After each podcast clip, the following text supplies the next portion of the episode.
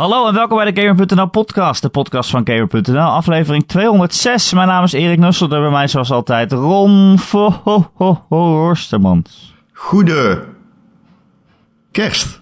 Hallo. Ja, het is kerst. Mooie. Fijne feestdagen. Fijne feestdagen allemaal.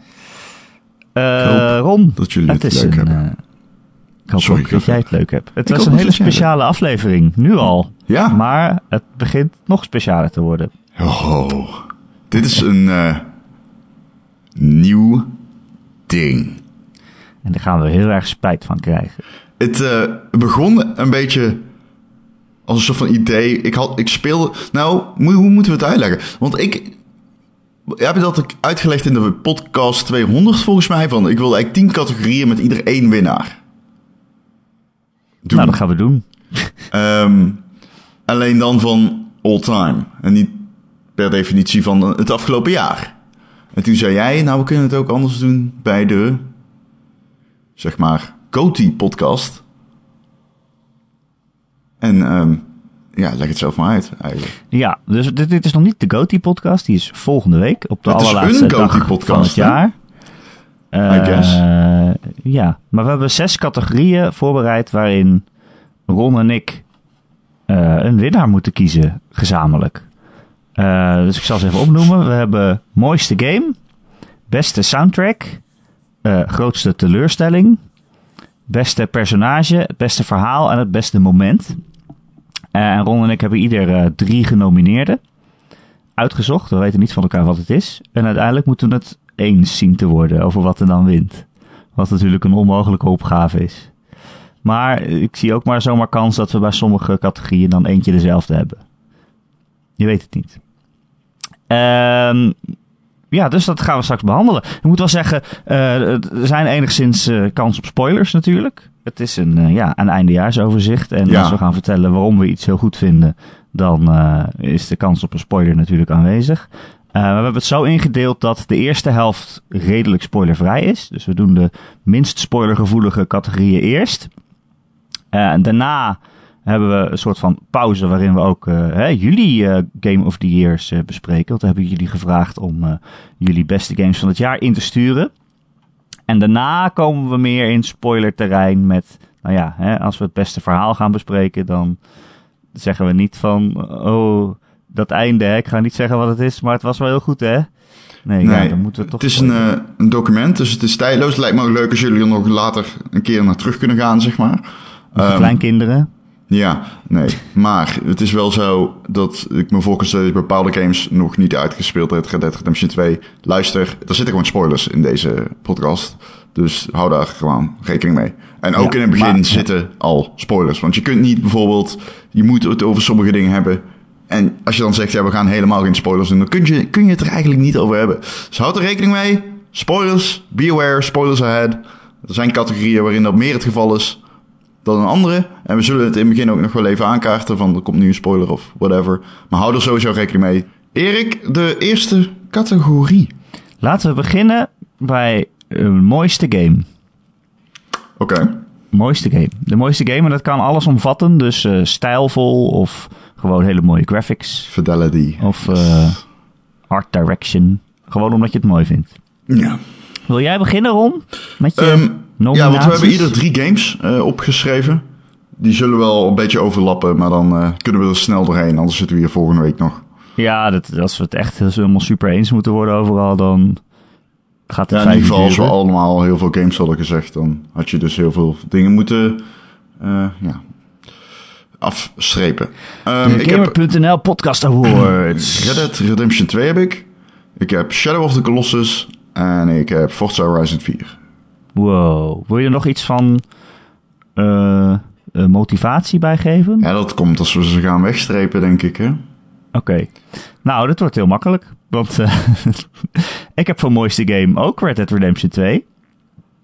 Ik heb ook Shadow of the Colossus remake. En ik heb ook Gr- Gries. Gries, ja. Gris. Gris. ja. Gris. Ehm, Ehm. mijn reden voor Forza Horizon 4 is simpel. Die is niet Fidelity. Wat je zou denken, van de auto's zien er heel mooi uit. Die is echt serieus gewoon stijl. Wat is Ehm, de stijl van Forza? Ja, ik vind het echt fantastisch gedaan, man. Ze hebben het dit jaar zo goed geneeld. Forza Horizon 4 is echt zo'n goede game. Alleen eh, de stijl van die game is echt bijzonder. Iedere keer als je over de finish gaat, dan ga je een soort eh, grijze loods in... waar hele grote schermen hangen met de uitslagen en zo. En dat is allemaal seamless gedaan. Ehm, ook het Forza Horizon Festival zelf. Het Horizon Festival zijn allemaal prachtige lichten... en eh, heel kleurrijk, regenboogachtig. Ehm, ze hebben die seizoenen natuurlijk. Dat is ook schitterend gedaan. Schitterend om te zien, moet ik zeggen. Eh, het is goed gedaan. Ehm, ik snap best wel dat deze waarschijnlijk niet gaat winnen. Omdat het een beetje... Het heeft ook... Het is redelijk... Ja, moet je dat zeggen? Statisch. Maar het is wel ontzettend vet om naar te kijken. Het is echt Ja. een hele, hele gelikte game. Eh, alles ziet er zo ontzettend smooth uit. En ik... Kijk, bijvoorbeeld Gran Turismo is gewoon mooi. Alleen Forza Horizon 4 heeft echt stijl. En dat vond ik wel eh, een nominatie waard. Oké, ja, voor mij is het gewoon een autogame uiteindelijk. Die worden wel steeds mooier, maar... Ja, kijk, maar dat is dus niet wat... Kijk, dit, letterlijk, ik doe mijn verhaal en dan zeg Ja. jij dit. Ja, nee, Dat dat is- is, meer waarom ik het niet eh, zo snel zou Ja, maar dan snap je, zeg maar. Ja, dan snap je niet wat ik bedoel. Je hebt het niet gespeeld, dus daar kun je ook niet over meepraten. Nee, dat het waar. heeft Hij staat klaar. stijl, heeft het. En het is niet alleen fidelity, snap je? Maar ja, Ik snap maar. het. Je snapt het niet, maar maar niet uit. Eh, ja, ik had dus nog Grease die jij dan niet hebt. Ja, ik zou die eigenlijk laten winnen. Omdat ik vind dat echt een onwaarschijnlijk mooi spel. Dat is ook zo'n beetje alles wat het heeft. Maar Ja, het is ik- wel echt heel erg mooi. Dat die waterkleur, stijl, is iets wat je niet vaak ziet in een game. Het is echt een kunstwerk waar je in rondloopt. Wat ik tegen Gries heb, is dat het op sommige segmenten heel erg op Journey lijkt. Ja, ja. Ja, terwijl het erg... Er, er zit letterlijk een moment in, dat is gewoon een knipoog naar Journey. Ja, dat je zo naar beneden aan het uh, En bent. je hebt eh, de personages met die stalen poten en die handen. Dat vind ik ook heel Journey-esque. Met zo'n lang gewaad. Ehm, ik vind niet... De stijl grafisch is wel eigen. Met dat waterverf en hoe de personages zijn ingekleurd. Het is een schitterende game. Ja, En dit is de categorie waarin die game... ja, waarin je het kunt noemen. waarin je hem kunt noemen. Alleen... Nee, zo. Ik weet niet of ik het. eh, ja, dit is, dit is de categorie inderdaad waarin je hem kan zetten. Maar ik weet niet of ik hem. Nou ja, laten we verder gaan. Even, laten we hem staan gewoon. Ja, hij staat bij de genomineerden. Dat is ook al heel wat. Ja. Eh Ron, dan hebben wij allebei Red Dead Redemption 2 en Shadow of the Colossus als mooiste game. Ja. Nominaties. Eh, ja, ik vind van Red Dead eh, ja, sowieso al gewoon de grafische prestatie aan zich. Ik bedoel, de hele tijd als je in die game rondloopt. Ik ben echt de hele tijd omheen aan het kijken van... Oh shit, dit is eigenlijk super mooi. ja, het lijkt wel alsof er op ja. iedere vierkante meter een hert loopt. Ja, maar ook dingen als... Ja, dan gaat de zon onder. Dan, Ja. Prairielicht, weerkaatsing van maanlicht op, weerkaatsing van maanlicht op de prairie bijvoorbeeld. Of op het leer van je paard. eh, het Ja, zadel. Op, op het water Eh. en zo. En de zon die door de bomen schijnt en dan wordt het mistig. En dan, ja, of een onweersbui of zo, dat vond ik ook super vet. Onweersbui, super tof gedaan. Dat je denkt, oh fuck, het betrekt helemaal boven mijn hoofd. Super Ja. eh, tof gedaan. Game is heel erg mooi. Wat je tegen Red Dead Redemption 2 kan houden, is het feit dat de HDR niet goed werkt. Ja. Ehm, Ja, en de gezichtsanimaties vond ik niet altijd eh, top. nee, dat blijft een ding bij Rockstar. In die engine. Ja, vond op zich stak er ook dan wel extra uit, omdat die hele game zo mooi is. En dan zie je een Dutch praten of zo, dan denk je, oh, hey, zijn hoofd lijkt wel plat of zo. Ja, ik vond het niet heel storend, maar het is een minst mooie gedeelte van de graphics. Ja, precies. Ehm, je hebt uiteindelijk bij Red Dead Redemption 2 wel heel veel momenten dat je denkt, wow, holy fuck, deze game is zo super, super mooi. Ja, ik heb namelijk ook gedacht in- om Spider-Man erin te zetten, wat ook een mooie game is. Als je dan aan het zwieren en zwaaien bent, heb je niet het idee van holy shit, dit is de mooiste game. Snap je? Dit heeft ook al, als de zon door de Manhattan schijnt en zo, dat is super mooi, maar... En die heeft wel heel Redemption 2 goede, is- nou, heel goede HDR. Ja, die heeft heel goed, die HDR popt zeker. Maar die game heeft dat je na 30 uur niet meer zo erg ervan opkijkt. Dat heeft Red Dead Redemption 2 echt wel gewoon. Ja, en bij, bij Red Dead heb ik ook meer, als we dat ook meetellen als mooiheid van hoe vol alles is. Hè? Hoe vol zo'n stad is met, met leven en, en hoe geleefd het er allemaal uitziet. Zo'n zo'n saloon waar je binnen loopt is ook echt helemaal stoffig. En, En die draw distance, dat is nog een technisch ding, maar die vind ik ook echt bijzonder. Eh, er zit een scène in, dan ga je al, dit wordt een spoiler. Er zit aan het einde een het, scène in, geen dan ga je... het is geen super spoiler. Nee, het is geen super spoiler, dan ga je in een ballon. Dus dan ga je boven een level zweven. En dan kun je zo ver kijken. Dat is echt, eh, dat viel me wel Ja. echt op. Dat die draw distance echt grandioos ver is. Ehm, ik weet niet precies hoe ze dat doen. Want eh, je hebt een hele levendige open wereld. Forza, nee, pardon.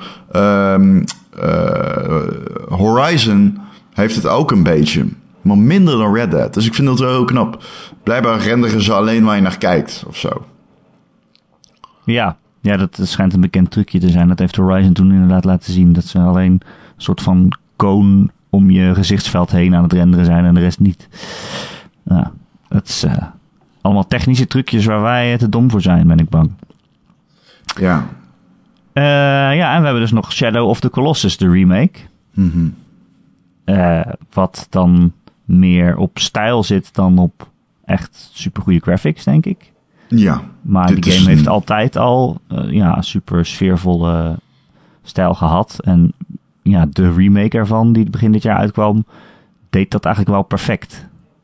Die heeft dat perfect overgezet in, in, een, moderne, in een modern jasje. Dit is een game met mooi haar. Ja.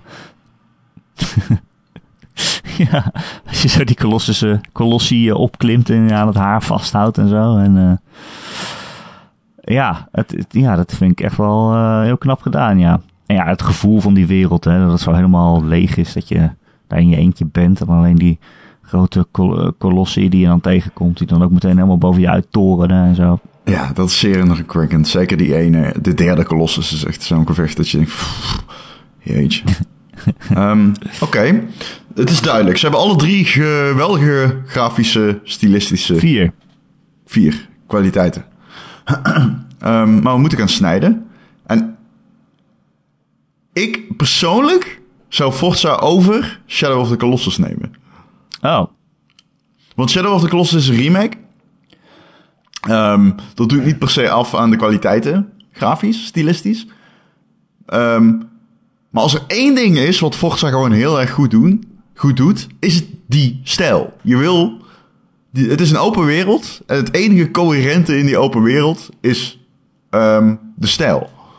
En ik vind dat zo ontzettend goed gedaan of zo. En het feit dat ik dat vind, iemand die niets met die serie heeft en niets met racegames heeft, vind ik ook wel veelzeggend voor hoe, hoe goed ze dat doen of zo. Maar het is ook wel weer zo. ehm, ze zijn er ook heel goed in geworden, denk ik. Ehm, dit is natuurlijk wat zij al tyfus lang doen daar eh, in, eh waar zitten ze, Engeland. Ehm, dus misschien is het niet per se moeilijker omdat Playground en Turn 10 het al zo lang doen, maar het is wel knap als je stapt op de.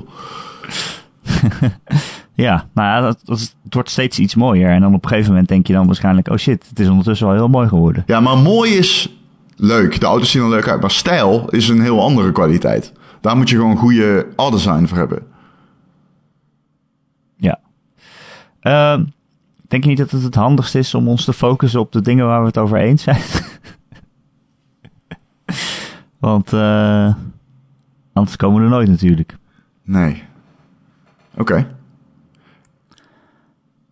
Eh, want ik vind, ik, ik, ja, ik vind Grease eigenlijk wel de mooiste game. Maar eh, daar ga ik jou ook niet in meekrijgen, denk ik. Nou, ja, ik, als je goede argumenten hebt, wil ik daar best aan meegaan. Maar eh, ik vind eigenlijk ook wel dat Red Dead het misschien verdient. Omdat het gewoon zo eh, groot is en in, in die hele wereld zo mooi blijft. Dat is zo knap. Red Dead is wel de game die je met zijn universum en hoe het is ingevuld, daadwerkelijk het gevoel geeft dat je op een fictieve plek bent. Dat heeft Shadow of the Colossus ook, Forza Horizon heeft dat ook en Grease heeft dat ook, maar Red Dead doet dat het beste, vind ik. Ja. Jij zegt het al, het stof dat is neergedwarreld in de bar. De doorleefdheid van de steden. Het feit dat bepaalde personages echt daadwerkelijk een eigen leven lijken te leiden. Ook al is het natuurlijk trucage, maar de, Ja. de, de illusie wordt gewekt. En redelijk succesvol. Je kamp alleen al is een soort van mini-universumpje binnen dat gehele universum.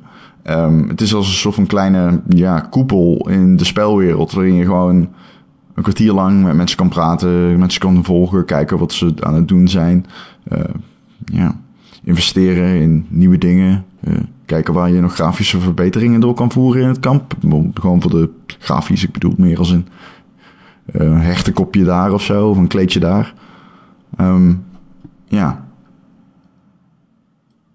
Ik kan me daar wel in vinden. Oké, laten we die winnen dan. Oké, Red Dead Redemption 2, de mooiste game van 2018. Gefeliciteerd. Volgens de Gamer.nl podcast. Ja, dan moeten we het er wel bij zetten. Misschien moeten we awards laten maken en ze opsturen. Ja, laten we de, op de voorkant dan niet de winnaar afdrukken. Dan kunnen we ook niemand boos maken. Eh, Oké, dat, is- nee, dat is leuk. Dat gaat prima zo, Ron. Ja, We komen goed. er wel. Gaat goed. En het is ook leuk dat we zo met die nominaties dan ook nog andere games kunnen... dat die genoemd worden zo. Ja, Ik vind het fijn. Eh, laten we de beste soundtrack doen. oké. Of eh, muziek, of ja, eh, alles wat erbij hoort. Ja, Eh, nou, zal ik dan beginnen? Ik heb voor beste soundtrack, eh, ja, weer Red Dead Redemption 2. ja, Ik heb eh, Celeste ja. en eh, Tetris Effect. Oké. Ik heb Celeste, Red Dead Redemption 2 en The Messenger. We komen wel echt overeen, Ron. Ja, We zijn echt lekker bezig. ja. Wat is, zit, zit er een goede soundtrack in de Messenger? Ik Zo. heb het niet eens meegekregen. Ik denk dat dat het beste van de game is. Oké, ja, ik ben niet zo'n fan van de Messenger, dus Oh, dat is wel jawel. snel. Ja, ik, eh, ik, ik wel. Ik vind The Messenger echt eh, geweldig. Ik, ik denk dat, nou ja, ik zal het niet zeggen, maar ik vind het echt een van de beste games die ik eh, in dat Spoilers. genre gespeeld heb. Spoilers voor volgende week. Ja, nou ja, goed. Het is, eh, het is gewoon echt, ik hou van dat genre en dit is een hele goede daarvan. Ehm, ja, Tetris Effect heeft goede muziek, maar niet echt mooie muziek, vind ik. Nou, eh, er zitten een paar echt liedjes in, waarin er echt gezongen wordt. Ja, die vind Die ik dus vind niets. Oké, die vind ik wel, wel leuk. Eh, en het- ja, vooral als je aan het tet, druk aan het tetrissen bent en iemand zit te zingen over hoe Het alles universum. in verbinding, het hele Ja, universum ik vond het verschrikkelijk. staat. Ik vind dat wel grappig.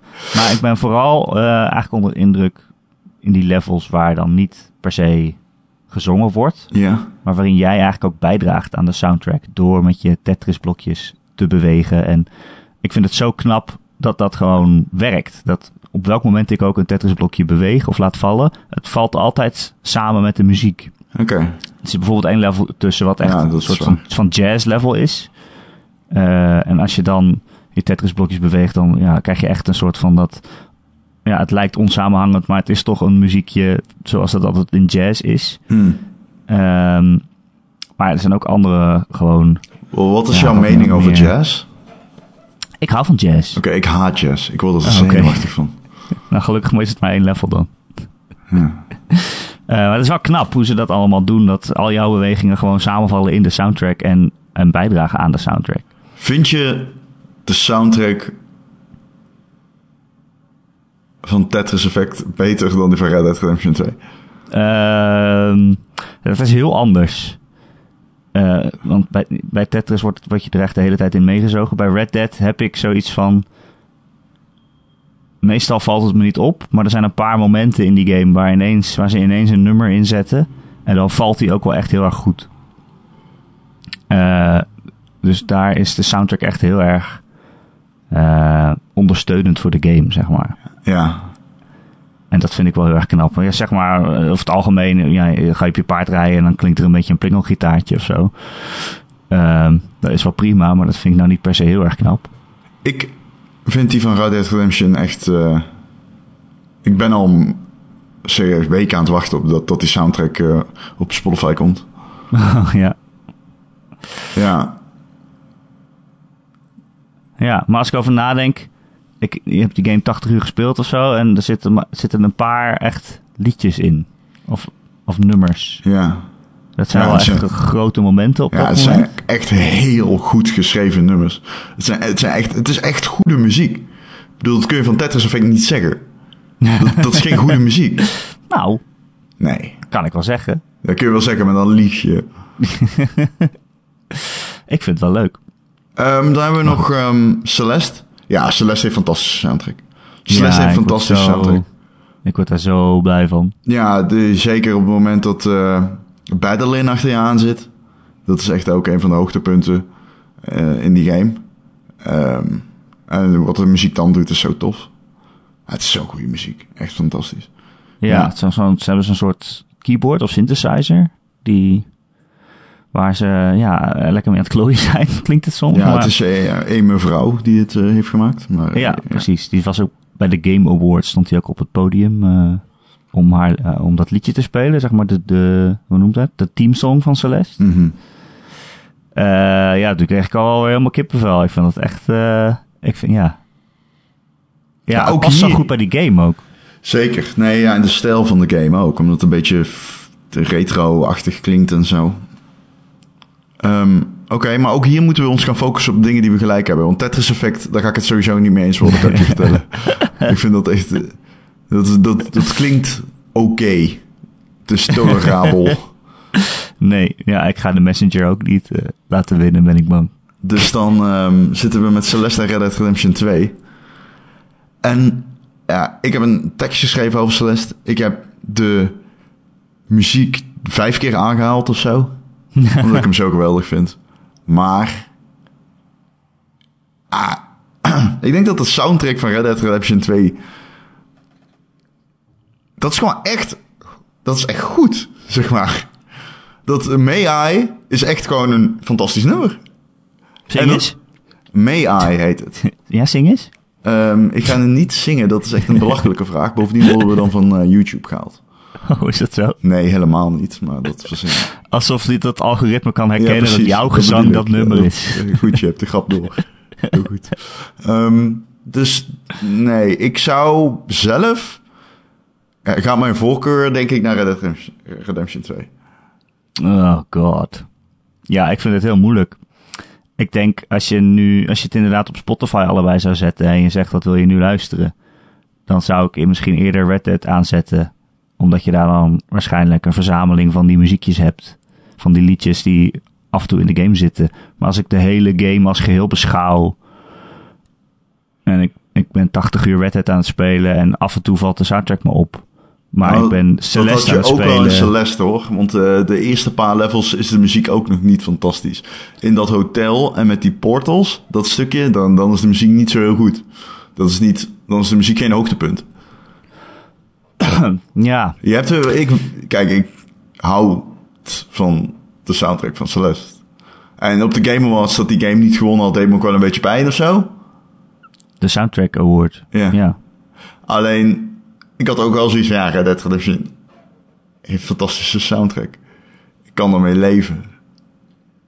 Ja, dus eigenlijk had je liever dat Celeste won. Nou, Celeste heeft meer mijn hart.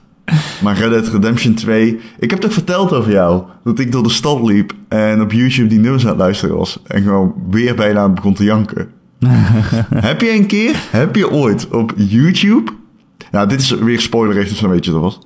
Op YouTube eh, naar de comments gekeken onder die soundtrack.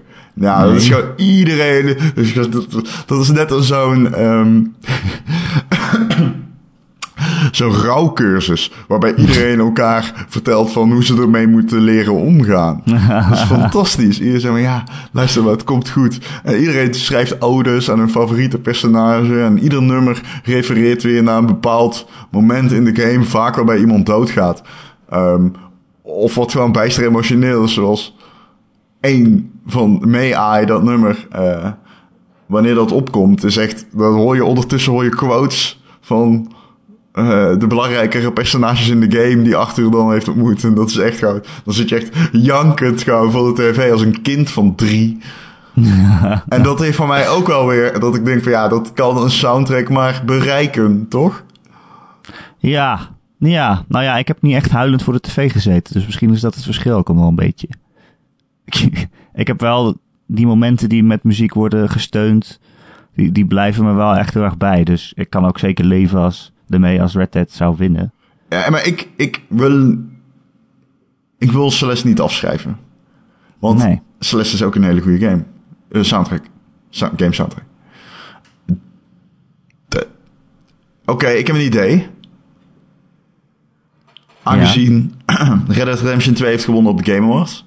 laten we Celeste winnen in de Game.nl podcast awards. Yay! Hup Celeste.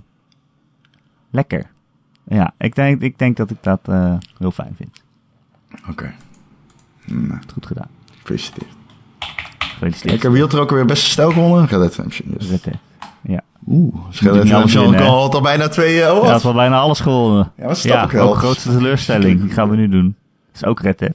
Ja. Ik heb hier maar twee dingen. Oh, Ik kon geen derde verzinnen. je bent nooit teleurgesteld. Eh, ik vond het gewoon een heel goed jaar met weinig teleurstellingen. Ja, ik heb ook niet echt dingen die ik dan slecht vond, maar gewoon minder goed dan ik hoopte. Ehm, ik heb AAA-releases op de Switch. Oh, ja. Oké. Ja, ik vind Nintendo heeft eh, gewoon teleurgesteld erin. Dat is denk ik de voornaamste teleurstelling die ik van dit jaar onthouden heb. Is gewoon dat de E3-conferentie van Nintendo. En dat je echt denkt van ja, Christus, ze hebben gewoon alleen Smash Bros. En dat bleek ook.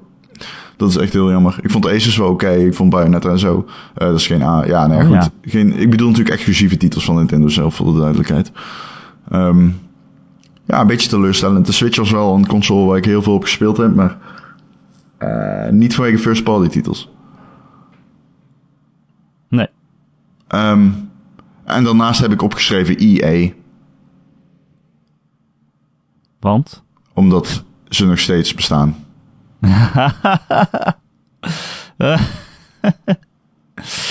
Oh man, ik heb wel echt gewoon games opgeschreven eigenlijk. Ik heb eh eh, Nino Kuni 2. Ron Forstemans. Hmm. Omdat ik die eerste heel leuk vond. En deze tweede, ja, ik kwam er echt helemaal niet in. Het is geen slechte game of zo, dat zeg ik net ook. Het is gewoon, ik had gewoon beter gehoopt of zo. Hmm. Ik heb ook eh, Below. Ja. Daar hebben we het nog niet over gehad. Dat, Maar is, ik eh, afgelopen week gerecenseerd. daar ben ik wel teleurgesteld in. Ik weet niet of ik extreem teleurgesteld ben, maar in Below ben ik wel teleurgesteld. Die game Ja. is niet leuk. Die game is gewoon niet leuk. Gewoon Nee. expres niet leuk ook. Nee, ja, nee, ja, ze hebben gewoon... Dit is een game die te lang in ontwikkeling is geweest. En dat zie je aan alles af. Je moet maar Ja. een invalshoek kunnen kiezen. Hè?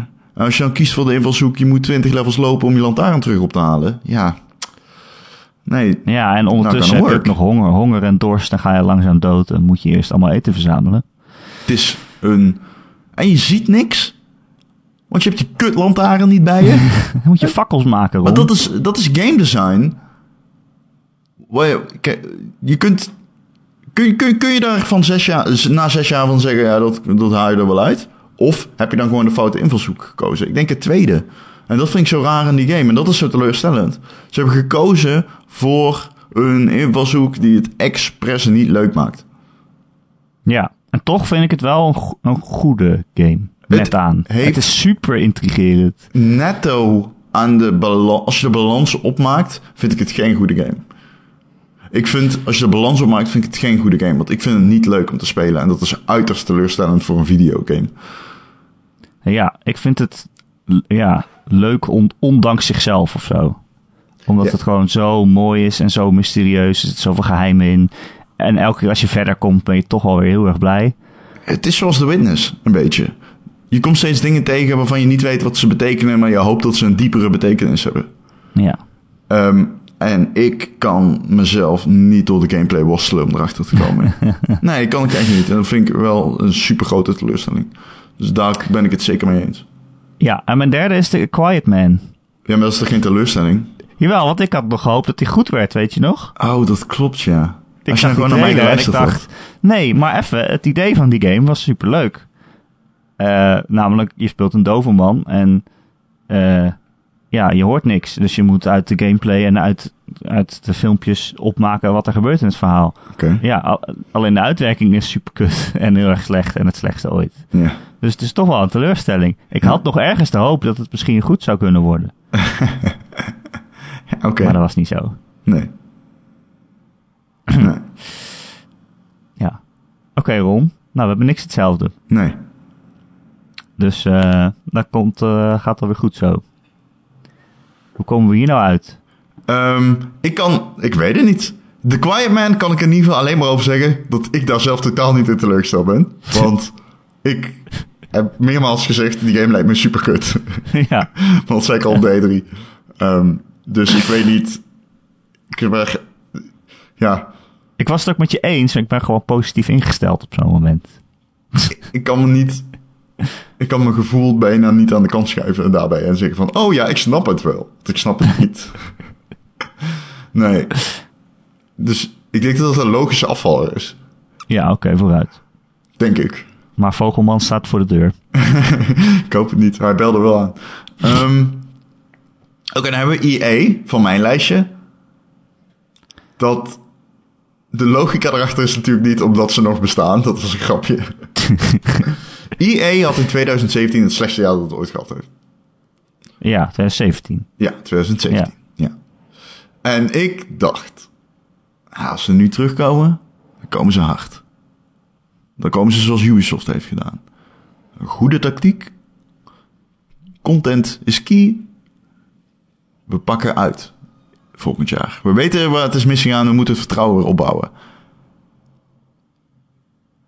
Dat hebben ze totaal... Ik weet opeens mijn nummer drie trouwens. Maar goed, we gaan verder. Dat Oh. hebben ze totaal niet gedaan. Totaal niet. En niet alleen hebben ze het totaal niet gedaan. Ze hebben ook nog eens in communicatie bijna alles nalaten te doen. Wat je wel verwacht had.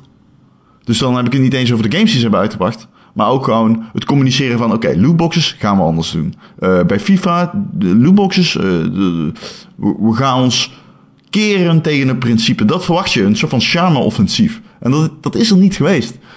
En ik snap al dat het niet het meest teleurstellende van 2018... en het komt niet in aanmerking voor die titel. Vind ik persoonlijk. Maar ik wil het wel genoemd hebben. Omdat ik het gewoon slap vind. Oké, nou heel goed. Goed gedaan.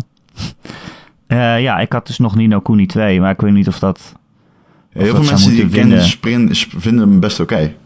Ja, maar dat is het ook. Hij is, hij is ook best oké. Heel leuk. Maar ja, dat is nou niet echt... Ik vond hem best oké. Dat is nou niet echt wat ik wilde van die game of zo. Nee, maar ik ken wilde mensen die hem wel heel is. leuk vonden. Ik, wie zei dat laatst? Alicia, die zei dat ze het heel erg leuk vond, bijvoorbeeld.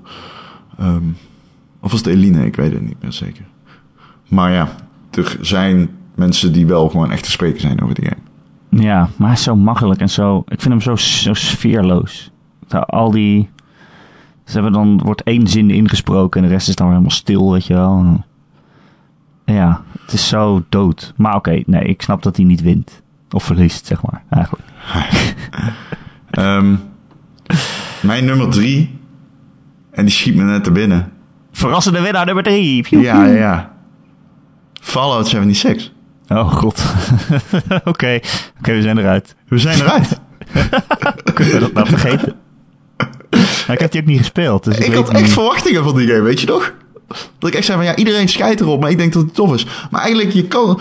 Maar, maar wacht even. Wacht, wacht even. Als we in dit rabbit hole duiken. Alles rondom die game was kut. Alles rondom die game was kut. De communicatie, de service die crashte. Ze hadden een, een, een, een tas of zo. Ja, die tas. Die ze in een special edition zouden meeleveren. En die konden ze niet meeleveren, zeiden ze. Via een super e-mail naar, een, eh, naar iemand die er een mail van over had gestuurd. Van, hé, hey, mijn, mijn... tas is plastic. tas is van plastic. En dat ze terugsturen van...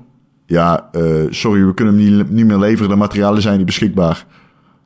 Ehm, dus de tas zoals je hem op de afbeelding ziet... is niet de tas die je krijgt. En daarna dan verbeterden ze dat statement met... eh, ja, nou, sorry, eh, dit, dit, dit. We begrijpen dat het kut is. En hier heb je 500 Adams. Ehm, Ja, dat is 5 euro of zo. ja, ja, dan kun je een plantenbak verkopen eh, voor je huisje in Fallout 76. Ehm, dus dat is in principe vind ik dan best wel een blunder. Maar goed, later delen ze wel die tassen uit aan influencers op een event. I love it. Lekker makkelijk. Geweldig. Delen ze wel die tas uit. Dus die mensen delen dat op Instagram en zo. En iedereen heeft zoiets van... Hé, hey, hoezo krijgen zij ze wel? En vervolgens heeft, Bioware eh, heeft Bethesda gezegd... Nou, weet je wat? Jullie krijgen allemaal een tas. Maar nu blijkt dus, je kunt dus een mail sturen, dan kom je in aanmerking voor die tas, en dan krijg je hem over zes maanden. Echt ook, hè? Een half jaar gewoon. over zes maanden. Die game is misschien niet eens meer online over zes maanden. Die servers zijn dan misschien wel al lang down. Het is free-to-play Ehm, geworden. dus dat vond ik super grappig. Ehm, wat ik ook super grappig vond, was dat op een gegeven moment kon je iedereen's tickets zien, wat echt best wel een privacygevoelig dingetje is. Ja, mensen die inderdaad eh, dat formulier hadden ingestuurd om die tas te krijgen, die kregen ineens toegang tot de klantenservice, eh, zeg maar de, de back-end van de klantenservice, om iedereen's bestellingen van die tas te zien. En daar staat natuurlijk ook adressen bij en zo, waar die tas dan heen moet. Ja, wat een trainwreck. Op een gegeven moment crashte de service, eh, servers. En het was gewoon all-around een super slechte Fallout game. Een wereld waarin niks gebeurde, die niet leefde. Je zat maar met een paar andere spelers in de map. Het leefde niet, de quests zijn saai. Je komt geen hond tegen, af en toe een mutant. Ehm, een hele matige online game. Waarin je wel je eigen avonturen kan maken. Maar het vergt veel doorzettingsvermogen om het zover te gaan schoppen. Ehm, echt, als je het hebt over teleurstelling, is dat wel echt gewoon teleurstellend. Ja, Wat had jij Ja. nou als eerder? Below. Oh, ja, Below, ja. Maar Below, ja, Below is beter dan Fallout. Ja, Below is beter dan Fallout. The Nou, Man is niet beter dan Fallout, maar Nee, ik vind het maar de wel... teleurstelling is minder groot. De teleurstelling is minder groot. Ik kan daar bijna niet in mee, omdat ik dan... Ik, ik weet niet. Alle alarmen gingen af of zo. ja, bij mij ook hoor, maar ja. Nou, het is gewoon teleurstellend dat je zo'n goed idee zo om zeep helpt. Ja, dat is wel waar. Het is een heel goed idee. Het is echt, maar het is oprecht een heel goed idee. Want je kunt een beetje Ja. awareness creëren voor mensen die dan geen eh, geluid horen. Doven noem je ze volgens mij. Ja, Ehm, en je hebt een leuke insteek in principe. Want deze persoon is badass. Hij, hij communiceert met de buitenwereld door middel van... Ja, nou, hij kan gewoon praten hij kan gewoon praten. Terwijl ik het, Ja. terwijl ik het Terwijl zeg, ik denk ik... Oh nee, dat klopt helemaal niet in die fucking game. Ah, ja, die game is echt heel slecht. Die game is echt heel slecht, joh. Heb je hem al een keer met geluid gespeeld? Of niet? Eh, nee, nee, nog oh, steeds dat moet je wel echt nog een keer doen, dan wordt het nog vager van. Ja, maar ik... Gek ja, genoeg. Ja, ik weet niet of ik dat durf, man. Ja, het is maar twee uur of zo. Ik, ik ja, vast en zeker. Maar, oké, laten we die even laten staan. Below valt af, maar laten we de Quiet Man even laten staan. Ik vind Fallout laten we ook staan. Ja, ik zou wel zeggen dan Fallout of The Quiet Man. Ik Ik zou vind I- wel dat we wel echt een slechte game moeten kiezen. Ja, maar EA eh, kan... eh, wacht nou eens even. EA valt ook af. Vind ik. Oh, wat had jij nog meer dan ook alweer? Eh EA en de Switch. Oh, Nintendo, ja. Maar wacht Ja, even, je- want EA valt één voor één. Wel, welke had jij nou nog? Ik had Nino Kuni, Below en Quiet. Oké, Ni- Nino Kuni en Maar- Below ja. vallen af. Hè? Ja, precies. Oké.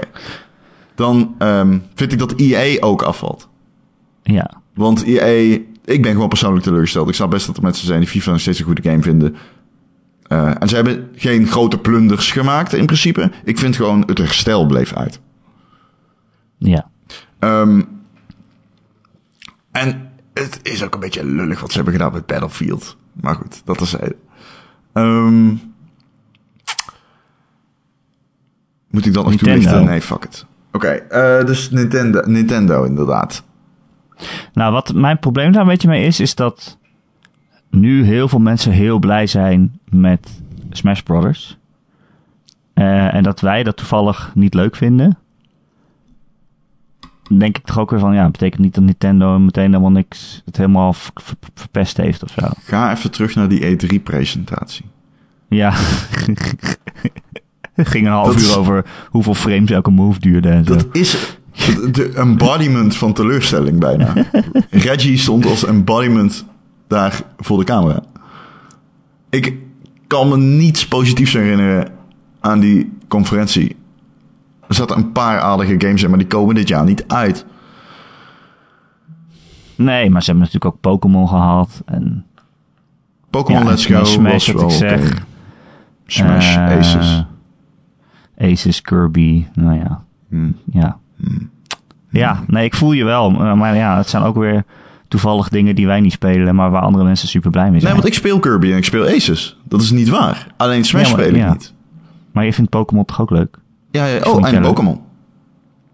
Ja. Ja, dus ik vind nou ook weer niet dat ze echt zo weinig gedaan hebben dat ze nou die award moeten winnen. Nee. Oké, ik kan erin meegaan. ik kan erin meegaan, zeker. Dus dan gaat het tussen The Quiet Man en Fallout 76. Het gevecht met titanen. Wat een jaar! Jezus, had je ooit verwacht die zin uit te spreken? Het gaat, Oh we mijn nu beslissen. Had je ooit verwacht die zin uit te spreken? De slechtste game van het jaar. Het gaat tussen Fallout en The Quiet Man. Eh, ja, ik vind eigenlijk toch dat Fallout daar moet winnen. En niet alleen om, om de game, maar ook om alles eromheen. Ik kan er gewoon niet over het uit dat gewoon- deze categorie gewonnen gaat worden door een Fallout game. maar ja, ik ben het er helemaal mee eens. Ehm, die game hebben ze verneukt, zeg. Goede genade. Ja. Nou ja, ik heb wel een beetje streams zitten kijken af en toe. En het ziet er ook gewoon niet leuk uit. Het is echt Zo leeg en... Het is echt Ja. niet leuk, Erik. Nee, nou dan heeft hij gewonnen, toch? Ja, zeker. Met vlag en wimpel geslaagd. Wat een teleurstelling. Bethesda.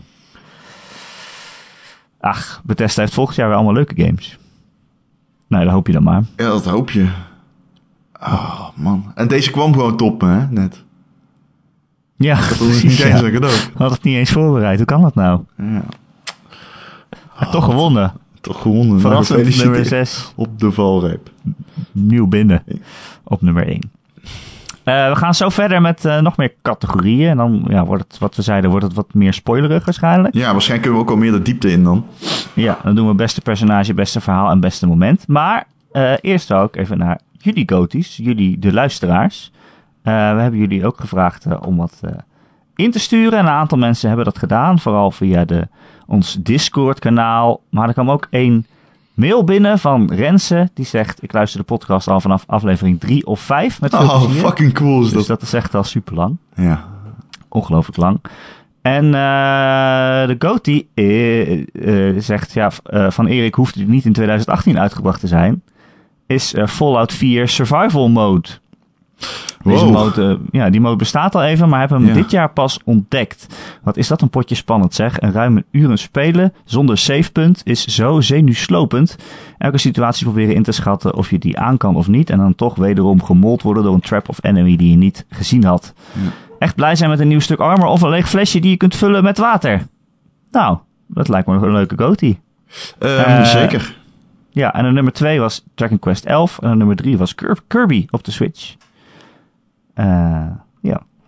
Eh Mo Fedaia's, eh, sorry, Mo Fedai, die zegt de absolute goatee of the year voor mij is Hollow Knight. Weliswaar een indie game met een klein karakter in de hoofdrol, maar de grootsheid en pracht is in elk aspect te vinden. Op een eerlijke manier uitdagend met een prachtige leefwereld die me elke keer weet te verrassen, is dit voor mij het kunstwerk van 2018. Ja. Goede Ja, keuze. Ik kan ik. Tellen, tellen wij dat, Ron? Omdat hij eigenlijk vorig jaar uitkwam? Ja, nee, nee, hij telt niet. Niet op game.nl, maar ehm, het is wel een... eh, ja, ik, ik heb een haat-liefde verhouding met die game. Echt. Ik, de- ik heb dat zelden mijn... pardon. Zel, ik ben een beetje verkouden, zoals jullie horen. Ehm, maar ik heb dat zelden met een game gehad zoals ik het met Hollow Knight heb. Ik weet niet wat dat is. Ik weet, ik weet gewoon niet wat dat is. Ik vind die game af en toe super... van- super echt, echt fenomenaal. Dat ik echt zit te glunderen en een glimlach van oor, van, van, van oor tot oor heb. Maar als je je lijk moet gaan halen en je weet niet precies waar het ligt, omdat de map nog niet is ingevuld en je probeert daar te komen, maar je loopt de hele tijd tegen dezelfde obstakels aan. En het zijn die momenten die ik in sommige Souls-like-achtige games dan juist heel erg tof vind, maar in Hollow Knight, het voelt het zo oneerlijk. En dan maakt die spanning echt plaats voor irritatie bij mij. Ja, maar Ik- ik, kan, er, ook- ik kan gewoon niet tegen verdwalen in games. Nou, dan echt hoef je dit niet eens te Ik voel, me daar, proberen. ik, voel me dan, gewoon. ik voel me dan zo dom. dan hoef je dit niet eens te proberen.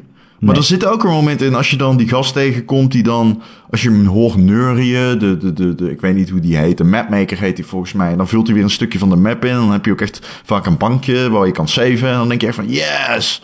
Oeh, yes, dit was het allemaal waard.